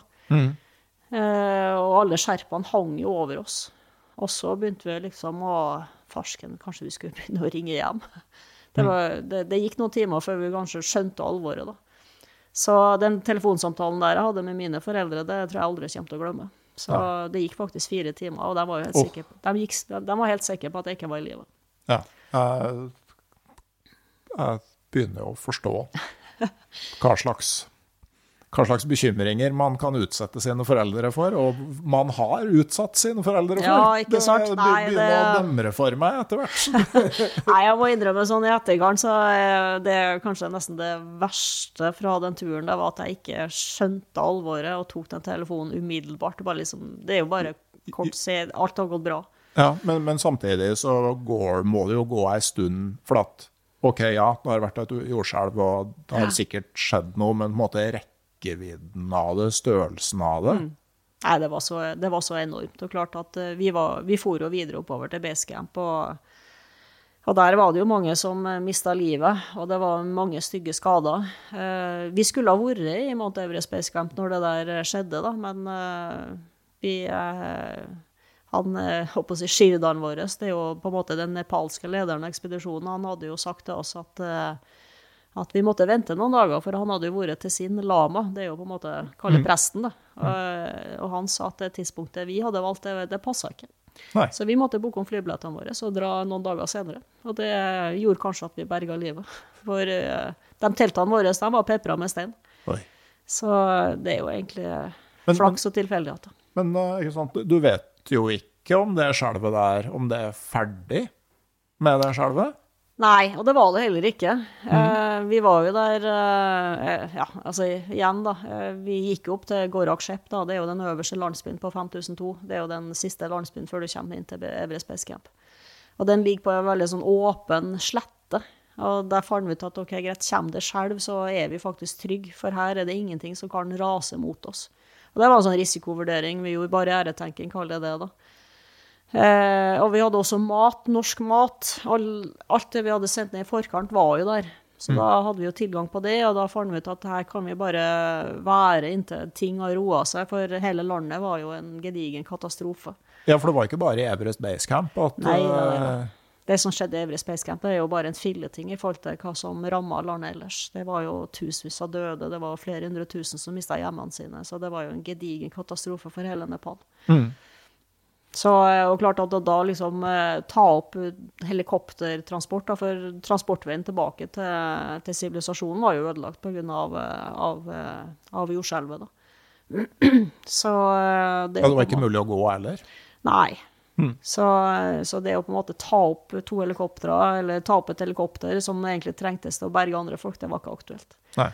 Så vi fant ut at vi bare blir oppe i høyden. Her er det tryggeste plassen vi kan være akkurat nå. Vi har rikelig med mat, og vi var jo, vi var jo på ferie. Vi hadde ordna oss fri og alt, så var det bare egentlig ta livet med ro og så prøve å hjelpe til der vi kunne hjelpe til. Ja. Og det var egentlig bare å holde seg i ro. Vi var jo for så vidt en runde opp i basecamp og gjorde det vi kunne gjøre det der, men det var jo å gi fra oss alt av førstehjelpsutstyr og bandasjemateriell og den biten der. Mm. Så nei da, det var en, eh, en ekstremt spesiell eh, episode, og det gikk vel en ukes tid før vi ble evakuert ut. Ja. Mm. Hvordan, hva tenkte du liksom Det var sånn, Du har psyka deg opp på én ting, og du har jo sikkert jobba mye mentalt i forkant av det her. Ja, eh, du legger ikke ut på en sånn tur uten å ha forberedt deg mentalt. Og klart at eh, oppe i høyden så skal du handle, du skal ikke tenke. Altså i forhold til barrieretenking, da, så, eh, så skulle du på en måte handle hvis du f.eks. fikk brudd på en barriere, at det var noe feil med oksygenflaskene f.eks. Du skal ikke begynne å diskutere oppe i høyden. Du skal egentlig iverksette egentlig en plan du allerede har. Så nettopp pga. at høyden gjør at hva skal jeg si, den der eh, tanke, ta, tenkinga gå tregt. da. Mm. Så eh, Ja. ja. Nei, og det er jo òg en Altså, det er jo ikke nødvendigvis sånn at det er én stor feil som en gang etterpå gir en alvorlig konsekvens. ikke sant? Altså, det kan være små avvik fra planen din tidlig Absolutt. som uh, baller på seg igjen. Uh, hører episoden med Jon Gangdal, som måtte levere deres ekspedisjon, lånte bort en av primusene sine eh, til sherpaene på en annen ekspedisjon, som fører til at flere dager etterpå så kollapsa han på vei eh, ned igjen. Fordi det har vært for lite væsketilførsel over flere dager. Det er litt sånn typisk det. Når du først ser en katastrofe, så er det flere små hendelser satt i et system, og så går det galt. Og det er jo det samme industrielt òg, ikke sant? Altså, Ja da, de store storulykkene, det er ikke på en måte én årsak, og så smalt det. Det er sånn som den Deepwater Horizon-ulykka. ja, ja. ja. Der er det jo på en måte eh, at man får signaler som man nekter å ta til seg fordi man ikke tror det er det som er feilen. Ja, det der er jo en kjempealvorlig sak, da. Og det er jo, den filmen er på en måte er jo en sann historie fra virkeligheten. Og klart at der har de egentlig neglisjert eh, så mange farer over lengre tid. Eh, Og ikke teste verken det ene eller det andre, og, og bypasse og kjøre på nettopp pga. at de er pusha på tid og er noen og 40 dager over i forhold til å levere dem rønn. Ja. Og det sier jo òg noe om ikke sant? Jeg satt nå på vei hit og hørte NRK-podkasten om Vassdal-ulykka. Hvor eh, det er jo ofte enkelt å plassere ansvaret på et sånt sted passe langt ned i organisasjonen. Altså, og så er det ofte mye sånn mer grunnleggende organisatoriske feil som, som ligger til grunn. Da. Du kan ha en sånn tilsynelatende utløsende årsak, mens det ligger mye sånn djupere forhold til grunn for det.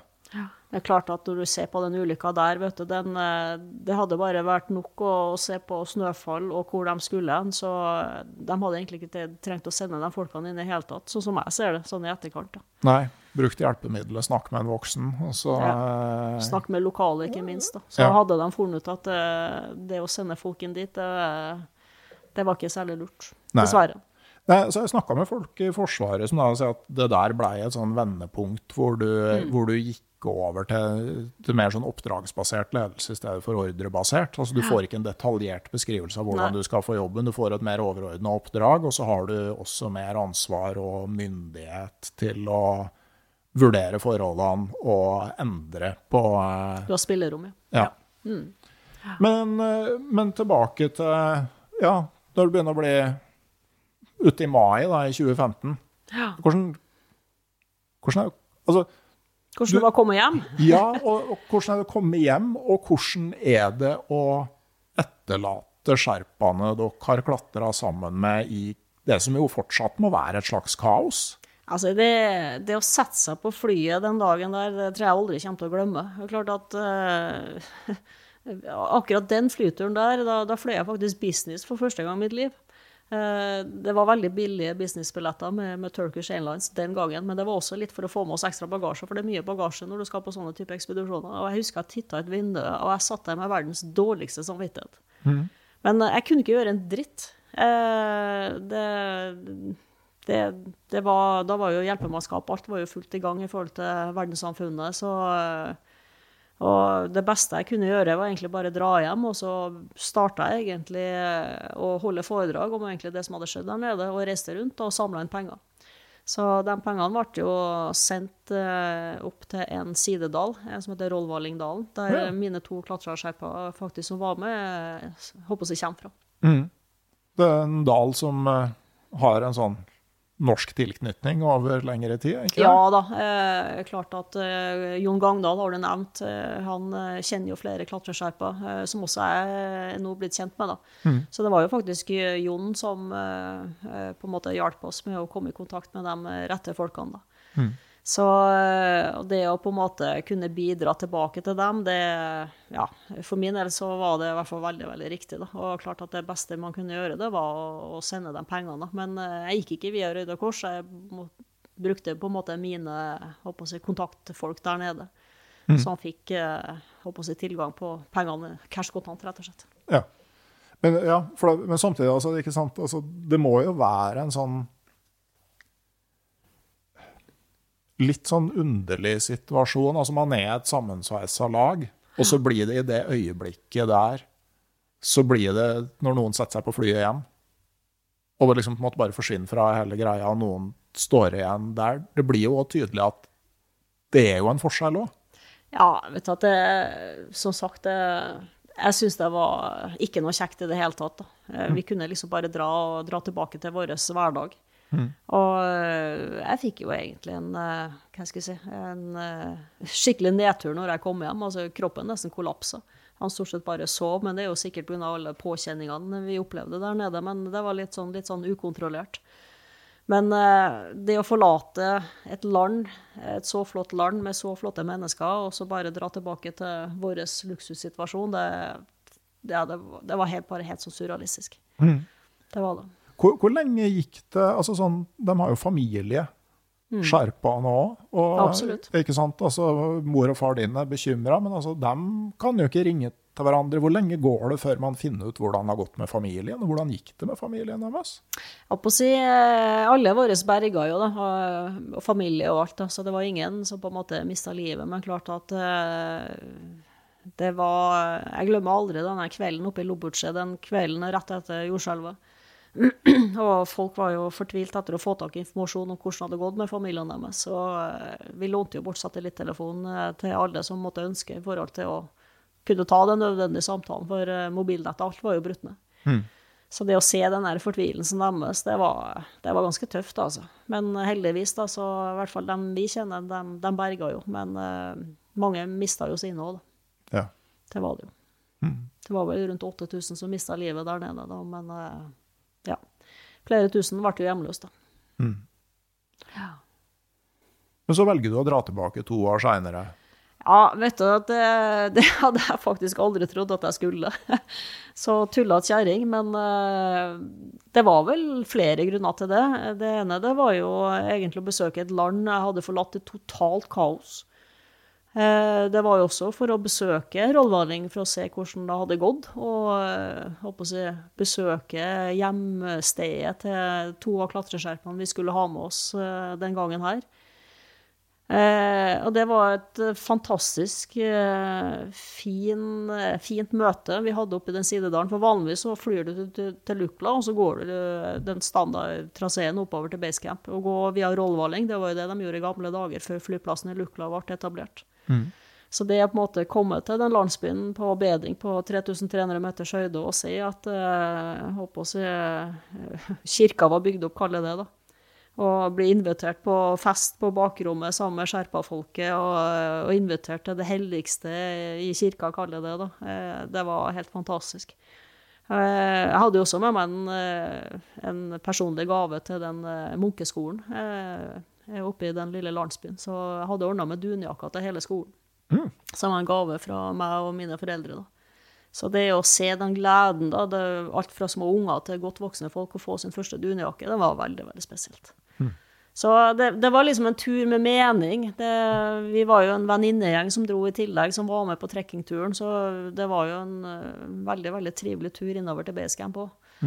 Og når de dro, da, så var vi liksom to igjen, samme teamet vårt. Da. Så det også var jo spesielt. Så det, det var liksom flere grunner, da. Og ikke minst, da, eh, med å dra en såpass stor gjeng, så bidrar man jo også til inntekt. Til et land som virkelig trengte inntekt. Så det, jo, det var mange grunner til å dra tilbake, og så var det selvfølgelig å gjøre et nytt forsøk, da. Ja. Som eh, had, men I og med at dere ikke hadde egentlig ikke kommet dere ut av basecamp første gangen, så, så var det jo ikke på en måte altså, planene Det var ikke noe mye som kunne revideres eh, fra forrige forsøk. Det var liksom Det var egentlig copy-paste. Ja, Det var Eh, egentlig ikke kommet så langt at du har funnet ut om det var noe som burde endres på. Nei. Eh, det, klart det jordskjelv, det tenkte du ikke så mye på i 2015. Eh, men eh, det også satt jeg og tenkte på i forhold til 2017, og falt ut at eh, det ville med stor sannsynlighet ikke dukke opp den gangen her. For det hadde Nei. rista fra seg. Ja, og, og samtidig òg, ikke sant. Altså det, noe, hvis du skal liksom Hvis det at du planlegger for jordskjelv går på bekostning av noen annen form for risiko, mm. så, så er det jo liksom det er så lite sannsynlig at det vil skje akkurat når du er der, at det er neppe Ja, du du ja. skal ta hensyn til. Hvis det, ikke sant? men, men sånn eh, Det er jo en del eh, sant, Sånn som den sånn som den passasjen gjennom isfallet, brefallet. Mm. hvordan, hva kan man gjøre for å gjøre noe med risikoen der? Altså Det viktigste man gjør, det er jo egentlig å gå på natta. Eh, da er det 12-15 minusgrader, isen er stabil, det er lite bevegelse. altså Den beveger seg jo mer på dagtid når det er mer varme. Så, så, alle går jo opp på, på, natta. Eh, og vi valgte å starte litt tidlig på natta for å ha god tid. For klart at eh, i hvert fall når du er på akklimatisering igjen, da, så det tar jo lengre tid de første gangene enn hva du gjør når du er akklimatisert. da. Mm. Så det absolutt viktigste du gjør, det er å det gå på natta og ha nok tid. Det er absolutt det viktigste. Mm. Det er det. Ja. Uh, sånn, sånn, for eksempel sånn som med, med høyden. altså Hadde dere noen sånne regler for sånn som å drikke? Ja, uh, du drikker jo som regel én liter vann per 1000 høydemeter. Ja, per det, er jo, det, er jo, sånn, ja, det er jo sånn god regel, da. Men jeg bruker å si at hvis du drikker det du tror du skal drikke, så skal du drikke litt til. Ja. Og så er det vel en sånn god regel på at du skal tisse blankt. Det er også en god regel. Eh, I tillegg så hadde jo jeg med meg en sånn metningsmåler som eh, jeg målte min metning, oksygenmetning i blodet hver eneste dag. Ja. Så jeg fulgte jo og si, registrerte et regneark på hvordan utviklinga mi var. Og klart at hvis du da hadde for lav metning, eh, ja, gjerne på 80-tallet, tidlig 80-tallet, så, så, valgte ikke jeg å gå videre oppover, f.eks. For, eksempel. for da var ikke kroppen akklimatisert nok til å gå videre oppover. Mm. Jeg bare ser for meg liksom, når du begynner å nærme deg toppen, at du har den der tiliters vaskebøtta som du skal ha i deg hver dag. ja, det, det, var, det, var, ganske interessant når vi skulle oppover lotseveggen. For da lotseveggen starter jo på ja, det er jo en 1000 meter vegg da, som eh, du begynner på så snart du går fra Camp 2 på 6400 meter. Og den veggen den går du på egentlig helt til du kommer til, til Southgold på 8000 meter. Da. Og det er jo bare en bratt isvegg på 40-45 grader på det verste. da. Og oppover der, den dagen vi gikk der, så var det jo kuling og skikkelig dårlig vær. Og drikke var en kjempeutfordring. Så jeg var rimelig dehydrert når jeg kom fram til 8000 meter. Mm. Jeg har vel aldri opplevd maken. Ikke helt enkelt når du skal pisse heller oppi der? Nei, det var ikke så mye hva skal jeg si, eh, tiss som kom ut. da, Det var vel mer graut, faktisk. Så jeg var såpass kraftig dehydrert. da. Så det har jeg aldri opplevd. da. Så mm. det var en ekstrem påkjenning. da. Mm. Men samtidig litt fascinerende å se hva kroppen tålte, faktisk. Ja. Ok, Men uh, vi kan jo liksom uh, altså, hvor, lang tid bruker man før man er klart, klar for et toppstøt? Ja, uh, igjen da, det er veldig individuelt. da. Men hvis du skal akklimatisere deg, så starter du med den der standard trekkingturen innover til basecamp, som gjerne er gjort unna på knappe 14 dager. 10-12-14 dager. Det er jo litt avhengig av helse og hvordan du akklimatiserer deg, om du holder deg frisk og alt det greiene der. Og så skal du gjennom en sånn akklimatiseringsfase der du skal egentlig vende kroppen din til å gå uten oksygen opp til ca. 7000 meter. Og den mm. Eh, fasen der går ofte ja, Det tar fort 14 dager, det òg, med en hvileperiode mellom. Og når du er ferdig med det, da, så, så reiser du til lavlandet en periode for å hente deg inn igjen. For du klarer ikke å restituere i, i, si på basecamp. camp. du, du, har egentlig bare nok om å, å leve, egentlig. Ja, hvor langt ned må du da? Nei, jeg må si at uh, i hvert fall 4000 meter bør du komme ned på. da. Så mm. jeg sjøl valgte å dra ned til Namsje på 3500 meter og var der i ja, fem dager. Det var kanskje to dager for mye, men det ble noe sånn. Og det var for så vidt helt greit. Det var mm. jo som å komme til vår og sommer. og hva skal jeg si, sivilisasjon, og det var egentlig godt. Da Da hadde du fått lada batteriene til, og var klar for toppstøtte. Mm.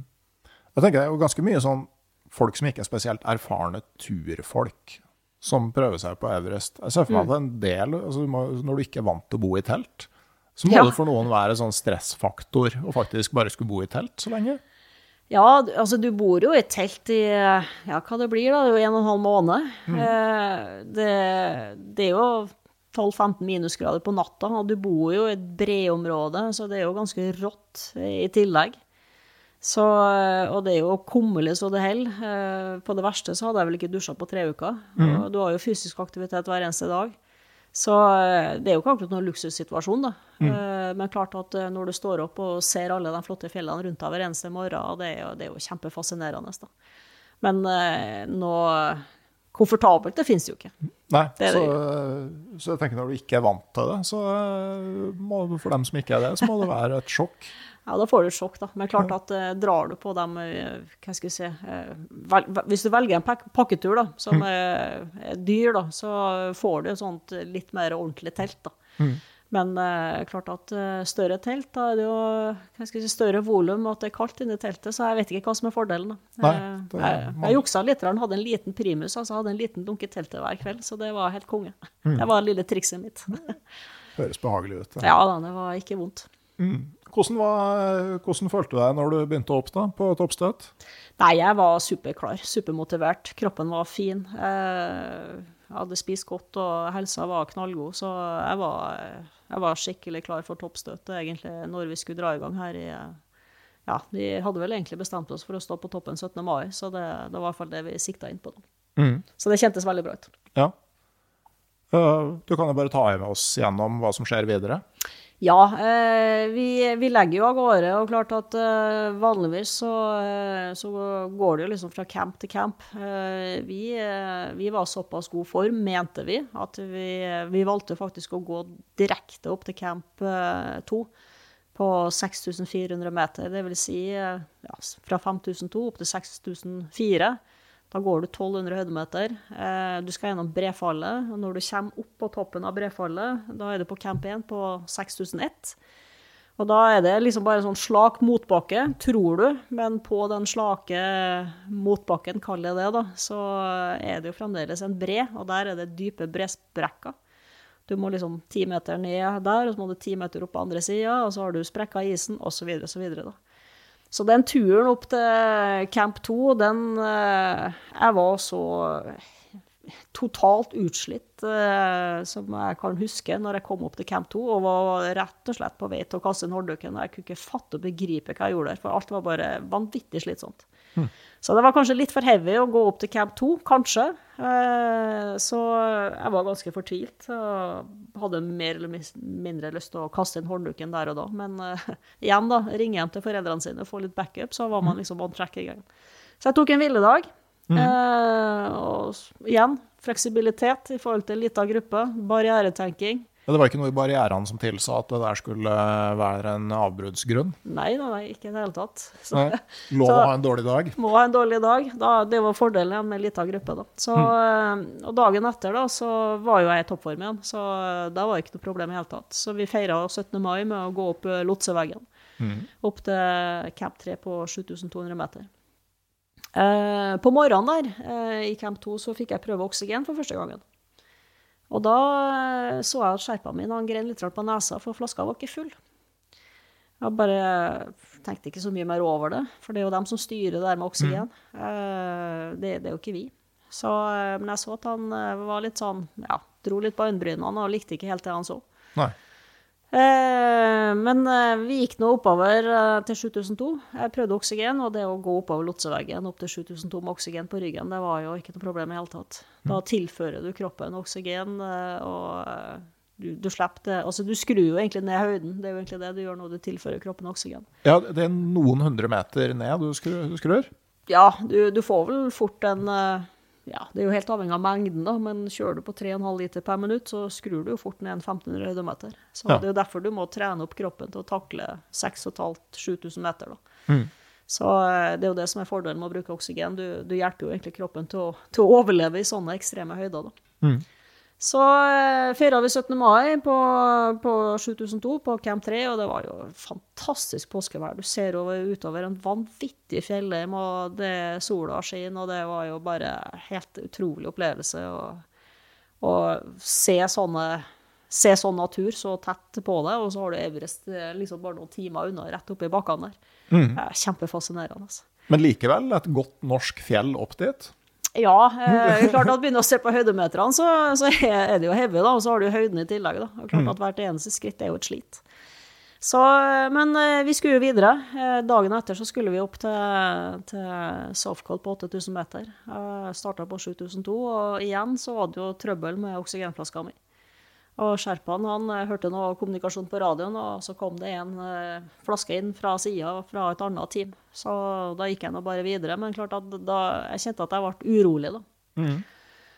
Eh, vi forserte jo Lotseveggen i et forferdelig vær. Det var Ja, jeg tipper det var en god kuling. Eh, snøkav, og jeg tenkte hva i all verden er det her for noe? Men vi kan jo ikke toppe Everest med det været her. Men været skulle jo bedre seg, det var jo derfor vi valgte å gå oppover. Og da fikk man jo se hensikten med godt utstyr. Eh, det er jo en barriere, det også. Ja. Eh, bekledning. Eh, altså Vi snakker om stegeren, isøks og alt det greiene der, men bekledning er jo en teknisk barriere som er utrolig viktig at det fungerer i sånne ekstreme høyder som det der. Mm. Så når vi kom inn på 8000 meter, så var det jo sol, og det var fint vær, og det blåste en del. Og, men eh, da sto det jo bare kikka på Everest, og jøss, nå er jeg bare noen timer unna, og formen er helt fin. Og bare kunne ikke gjøre noe annet enn å smile. Yes, det her kommer til å bli helt topp. Men samtidig så så jeg at det var en del vind, men det skulle jo roe seg, da. Mm. Så vi slår opp telt og får i oss Ja, det er jo ikke så mye mat du klarer å få i deg. Du har jo ikke akkurat noe matlyst på 8000 meter. Eh, men jeg hadde den der indre uroa. Eh, oksygenflaska. Det er, bare, det er et eller annet som ikke stemmer. Og det var faktisk noe jeg ikke hadde sjekka i basecamp. Jeg så de lå der, men eh, jeg var jo en tur nede i lavlandet, og i mellomtida så var jo flaskene blitt båret opp. Mm. Så eh, på ettermiddagen, da, så eh, Ja, vi hadde fått roa oss og smelta vann og fått i oss mat, og humøret var jo på topp. Eh, så ber jeg han klatreskjerpene mine om å ta en sjekk. Og sjekken går ut på at du tar et manometer, og så setter du det på alle flaskene, og så leser du av trykket. Og jeg har aldri sett en sint klatreskjerpa før, men det gjorde jeg den dagen der. Eh, de er jo vanligvis smilende og blide og helt fantastiske. De vet jo ikke hva godt de kan gjøre. Han tok altså det manometeret og kyla i teltgulvet. Han var dritforbanna. For det viste seg jo at eh, halvparten av flaskene kunne ikke brukes. Det var altfor lite oksygen på dem. Hm. Noen var tom, og nesten og stort sett eh, alle var altfor lite oksygen på. Og klart at eh, hadde vi begynt å gå på toppen da med flasker som nesten ikke var oksygen på, så kan man jo bare tenke seg hva som kunne ha skjedd da. Så sto han og kikka på meg, da, og jeg var jo helt rolig, da. Eh, For jeg visste jo da at jeg hadde brudd på min absolutt viktigste barriere, og det var nok oksygenflasker. Eh, og jeg hadde lovt mamma og pappa, eh, alt av venner og familie, om at fikk jeg brudd på én barriere eller flere, så skulle jeg snu. Og det hadde jeg jobba med mentalt. Eh, jeg kjenner tårene kommer, faktisk. så såpass sterkt er det faktisk. Ja. Eh, men det hadde jeg faktisk lovt, eh, lovt dem, at eh, fikk jeg det, så skulle jeg snu. Og jeg snakka med, med han sherpaen, for han tilbød meg å prøve toppen med tre flasker, og han én. Mm. Eh, og det vil si at da tok jeg en stor sjanse, men jeg hadde også en klatreskjerpa som også tok en stor sjanse. Så jeg sa til henne at eh, jeg snur. Eh, du har en kone som venter på deg, med to gutt og jente på 14 og 16 år. Mm. Jeg har eh, min familie hjemme som vil at jeg skal, ha meg, vil at jeg skal komme trygt hjem. Mhm. Og jeg sa rett ut at eh, I give a damn about the summit, sa jeg til henne ordrett. Mm. Og den reaksjonen der av en klatreskjerpa, det kommer jeg aldri til å glemme. Han tok hånda mi, høyrehånda mi, og eh, tok begge hendene sine rundt høyrehånda mi og takka meg. Mm. Kikka på meg og takka på meg. Ja. Og det, igjen, tårene kommer. Det er et veldig sånn sterkt øyeblikk. Det, det er det. Men uh, som sagt, uh, det viktigste for oss, det var å komme i live. Hjem. Velberga hjem. Mm. Så jeg forklarte at eh, det å bryte en sånn barriere som det der, det var det ikke snakk om. Så, eh, så der og da så var ekspedisjonen for min del over. Mm. Så for som sagt, eh, det, det Everest er bare et fjell. Ja, det er verdens høyeste fjell, men eh, til syvende og sist så er det viktigste egentlig å komme hjem i livet Mm. til det. Det var vel eh, en historie det her som kunne endt langt verre med en uh, annen klatrer. Jeg tenker jo at uh, ut fra det jeg har hørt da, Mm. om sherpakultur, Ja. så er jo lojaliteten så høy. Altså bare det å foreslå at vi prøver med tre og ei flaske, ja. Uh, med vissheten om hva det gjør med risiko. Ja, ikke sant. Uh, klart at det at han takka meg på den måten han gjorde, det forteller jo sitt. Mm. Så eh, det er i hvert fall et øyeblikk jeg kommer til å ta med meg, og ja, jeg er egentlig både glad og stolt over det jeg gjorde. Mm. Eh, og det å gå tilbake da, dagen etter, etter å ha overnatta på 8000 meter, og oppleve at den nyheten, kaller jeg det, da, eh, om at jeg hadde valgt å snu av det der, det, den hadde kommet meg i forkant. Så når jeg kom til 7300 meter, da, så hørte jeg bare ah, Good decision, good decision. Very good, very good. Det var noen andre klatreskjerper. For klart, jeg gikk jo med knallknæsje farger på klærne, så vi var liksom the Orange Lady Team. Alle gikk jo i rabbklær og klatreskjerper. Alle, hele teamet var jo kledd opp i rabb. Og jeg, altså, jeg skulle ikke stå på utstyret. Igjen da, teknisk barriere. Ja. Så, så jeg ble jo gjenkjent. Så jeg var jo på Tea Party etter Tea Party. Jeg ble invitert inn av sherpaene for å liksom Ja, rett og slett hyggelig, da. Så det var helt surrealistisk. da. Så, og min klatreskjerpa han sendte jeg bare forveien. Jeg visste jo hvor jeg skulle. Så, Så, så han syntes jeg var veldig treg. da. Men så måtte jeg bare forklare hvor jeg hadde vært på veien. Så hadde jeg vært på flere sånne Tea Party. da, På på- T-selskap. T-selskapet på veien tilbake til Camp 2 på, på 6004. Da. Mm. Så det var tydeligvis en, eh, en eh, Hva skal jeg si En spesiell happening, på en måte, da. Mm. Men det er jo ikke sant, altså når, på de organisatoriske barrierene, da, for eh, det blir jo noen referanser til episoden med Jon her, da, som òg har vært i samme miljø, men ikke sant, det der å forsikre seg igjen da, om at du faktisk har fått en ærlig mening fra sherpaene, var jo noe som de brukte en ekspedisjon på lære. Ja, ikke sant? At du har én sjanse til å stille et åpent spørsmål. Mm. Og hvis spørsmålet er lukka, så vil du aldri få et åpent svar på det, sjøl om du stiller det på en annen måte neste gang. Ja. Det er klart at vi, eh, vi hadde jo verdier på den ekspedisjonen som handla om eh, sikkerhet, teamwork eh, spesielt, da. Og, og respekt var jo verdiene våre. Og det gjennomsyra jo absolutt alt det vi skulle gjøre, egentlig. Altså eh, sikkerhet i forhold til hver eneste beslutning. Eh, teamwork. I, eh, altså du skal samarbeide med dem. Det, det er ikke noe sånn ordreopplegg. Og, og klart at man er jo totalt prisgitt egentlig skjerpene for å kunne bestige et fjell. Det er jo dem som er kongen der nede, vi er jo bare noe tullete turister. Ja.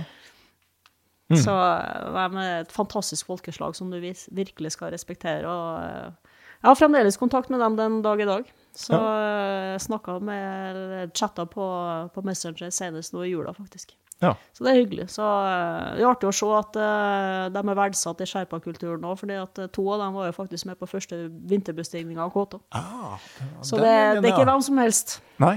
Eh, og det òg er jo Altså, det er sherpaer fra tre forskjellige team, hvis jeg ikke husker helt feil. Ja. Ender med å samarbeide.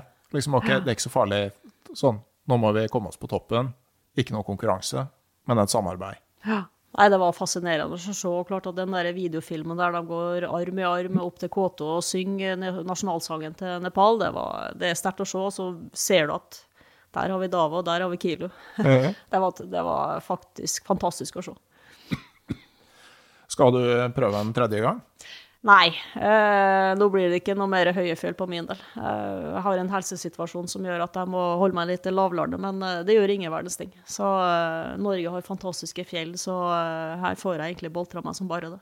Mm. Så det blir ikke noe mer høyefjell for min del. Nei. Det blir ikke det. Ok. Men da, det blir jo vanskelig å runde av med noe som helst etter det her, men jeg tenker vi skal prøve å ta oss da tilbake til de norske fjellene og prøve å liksom trekke litt sånn eh, Trekke litt sånn essens ut av det vi har snakka om om barrierer, da. Og, og det å huske på at du har de tre typene som ofte kan gå litt over i hverandre, da. Absolutt. Men, eh, men at man eh, tar seg tid til sjøl på de litt mindre turene. Og ta en liten prat om hva man har tenkt, Ja. Hva som skal til for at man skal kunne fortsette, og hva som eventuelt er grunnene til å avbryte. Og ikke minst eh, hva som kan gå galt på turen, og at man er forberedt på å håndtere eh, hvis det skulle skje noe. At eh, sekken er pakka for å håndtere det. Da, eh, da har man kommet utrolig langt. Og også sånn eh, Hvis man tenker fjell og topp, da, så eh, har jeg blitt fortalt at en, altså, du begynner med å planlegge på kart. Og så identifiserer du de eh, skumle partiene. Ja. Og så tar du en ny vurdering når du ser dem på avstand. Ja. Og så tar du en vurdering til når du ser dem på nært hold.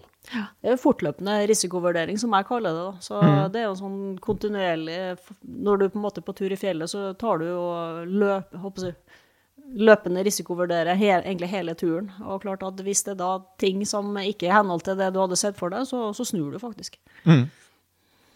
Og så er det jo òg det, ikke sant, med å, å tenke gjennom hva av eh, utstyret er det du ikke kan klare deg uten, Ikke sant?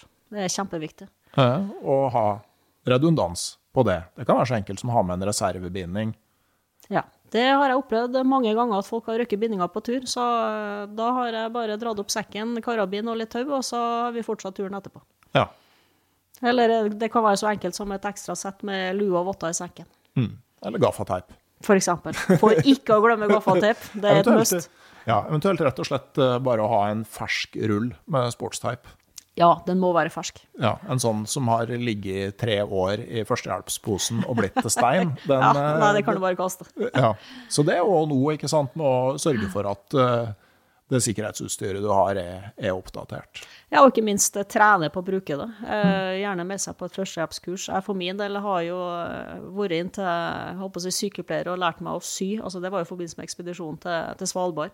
Eh, jeg har vært på et sånt førstehjelpskurs med, med turlegen, som på en måte har et førstehjelpskurs i forhold til hva som kan skje på tur, og har masse tri tips og triks i forhold til hvordan sekken skal passe, pakkes for å håndtere egentlig type, eller ulike typer førstehjelpssituasjoner. da. Jeg har lagd en episode med han, og Ja. den kan jeg linke til i episodeinfo. Ja, så bra. Eh, Et av tipsene er bl.a. å lage førstehjelpssettet sitt sjøl. Mm. Fordi at du da òg tenker mer gjennom hva det er du faktisk kan komme til å få eh, Mm. Nettopp. bruk for.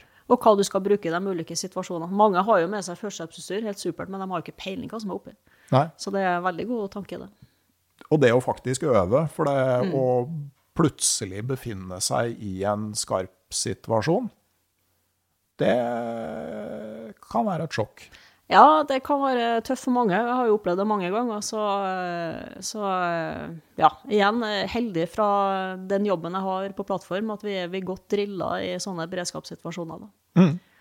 Men jeg tenker også, altså, om du ikke øver, så igjen, altså det er i hvert fall fra egen erfaring lagt merke til at forskjellen på å havne i en situasjon du har tenkt igjennom, og en du ikke har tenkt igjennom, det, den er veldig stor, altså. Det er det viktige. Det er veldig, veldig viktig. Så mm. også eh, en eh, ting man kan ta med seg når man skal planlegge en større tur, det er å faktisk tenke eh, akkurat det du ser der. Absolutt. Ok, eh, det som jeg liksom eh, har hatt som, eh, som en sånn hovedregel som, eh, som jeg ikke egentlig har tenkt over at passer inn i barrieretenkinga, det er at jeg på tur prøver å unngå situasjoner hvor én feil blir fatal. Sånn for eksempel friklatring. Ja, ikke sant. det er jo så typisk, da. Det, nei, det der det holder ikke jeg på med. Det, det, det gjør jeg ikke. Men, men generelt tenker jeg gjennom, ikke sant? Altså sånn, øh, hvis du er på vei inn i noe, Ja, altså går det gærent nå, så er det ingen stopp. Ikke sant. Da, Ja, da, da da er det- ingenting du kan gjøre for å ta deg inn igjen. Det er ikke eh, et bra sted å være. Kjenn litt rart på magefølelsen. Mm. Det, den stemmer som regel, og jeg bruker å si at er du usikker, så er du egentlig sikker. Da snur du. Ja. Det er en eh, god, god regel å ha med seg. Og vil noen du er på tur med snu, så blir du med. Ja, ja, da snur du. Ikke hver minste lille tvil. Ja. Ja, det, jeg har vært med på mange turer der de som har vært med, de har villet snudd, og jeg har snudd. Selv om jeg hadde lyst til å fortsette, så spiller ingen rolle. Vi skal ha det kjekt sammen på tur. Sånn avslutningsvis, jeg lurte på, er det egentlig et ganske godt utgangspunkt å ha vært fotballkeeper? ja. For jeg tenker på at det er jo den Ja. spilleren på fotballbanen som egentlig har et helt motsatt utgangspunkt av alle de andre. Altså For en spiss så kan du vase så mye du bare vil. Skårer du et mål, så er alle superfornøyd. Ja, ja, ja. En keeper kan ha spilt dønn solid og hatt spektakulære redninger i 85 minutter, men gjør du ei tabbe, så ja, det det du blir huska for. Det, det er liksom Ja, ja, nei, det, den, den betraktninga der har jeg aldri tenkt på. det har jeg faktisk ikke gjort. Nei. Jeg klarer ikke helt eh, med det samme å se hva jeg skal si, eh, sammenhengen mellom det og friluftsliv, men eh, ja, det er jo Interessant betraktning, da. Ja, Man kan bli trygghetssøkende av å ha vært keeper. Ikke sant. Heller gå i fjellet mye kjekkere sånn sett, da. Men uh, det var kjekt som keeper òg. Ja. Ok. Det var kjempehyggelig å få snakke med deg, Gørianne. Jo, veldig kjekt å få besøk. Ja. Uh, jeg skal tasse meg videre straks, og du er jo akkurat i gang med en friperiode. Eh, eh, men jeg spør nå, jeg har jo en mistanke om hva du har lyst til å gjøre de neste dagene, men jeg spør nå som vanlig, hvis du kunne valgt helt fritt i hele verden hvor du skulle vært nå, og i hvilken situasjon, Ja. hvor skulle det blitt? Nei, det må det bli på en eller annen fjelltopp i Rauma kommune, det. Det er så fantasiløst! Det er så utrolig fantasiløst, men eh, Det er nesten feigt. ja, det er nesten, det er nesten pinglete. Nei, det, det er noe med fjellene her i Rauma som er bare helt magisk. Har man først kommet her, så, eh, så er det gjort. Eller norsk fjellheim, for den saks skyld. Det trenger ikke å være Rauma, det kan være hvor som helst i Norge, egentlig. Ja, Sånn sett er jo vi fantastisk heldige. Du må prøve, hvis du ikke har vært i Loppa i Finnmark. Står på lista. Ja, Jeg har lest boka di, Jeg kunne godt tenkt meg å gjort den der eh, turen over de tre breene der i ordentlig maksvær. ja, ikke sant. Og faktisk Nei, det... sett noe av det man opplevde der. området der står på lista, det gjør det. Ja, det høres bra ut. Mm. Da sier jeg tusen takk til deg, Guri Anne Hansen, en gang til. Og så takker jeg min kommersielle samarbeidspartner, Barents Outdoor AS. Jeg takker også medlemmene i det digitale turlaget på Patrion, som er med å holde podkasten på veien eller på skjæret, eller hvor den nå enn befinner seg. Det er plass til flere i turlaget. Følg link i bio, eller gå inn på patrion.com om du vil være med. Jeg nevner også at jeg skal på Camp Villmark på Nova Spektrum på Lillestrøm fra 15. til 17. mars. Jeg blir en del av en pop-up turbokhandel med andre skrivende turfolk. Og det blir også flere live podkaster i løpet av helga, bl.a. en ny maratonpodkast hvor jeg i selskap med tolv andre skal prate meg gjennom et turår. Og merk at ekspedisjonsmakerne i det digitale turlaget får tilbud om gratis helgepass til Camp Villmark. Kanskje ses vi da, men uansett ses vi, eller i hvert fall høres, om ei uke, for da kommer det en ny episode av podkasten Uteliv. Og inntil da så sier jeg rett og slett ha det bra.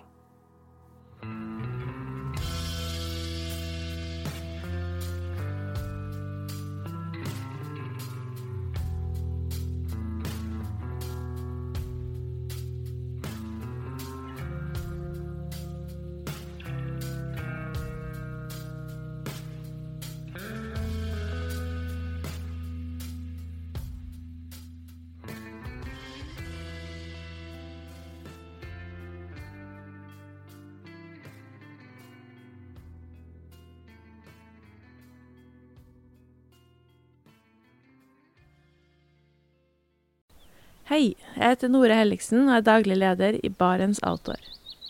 Det beste vi kan gjøre for planeten, er å redusere forbruket vårt og få mer ut av det utstyret vi allerede har. Men vi vet av erfaring at bruken av telt kan endre seg over tid. Det teltet du kjøpte for to år siden, passer kanskje ikke det behovet du har i dag. Derfor har vi i Barents etablert en egen panteordning der vi tar imot brukte telt av god kvalitet i innbytte når du kjøper et nytt av oss. Prosessen er enkel. På barentsoutdoor.no gir du oss informasjon om teltet du vil bytte inn. Basert på det får du et tilbud fra oss som gir deg rabatt på ditt neste Barents-produkt.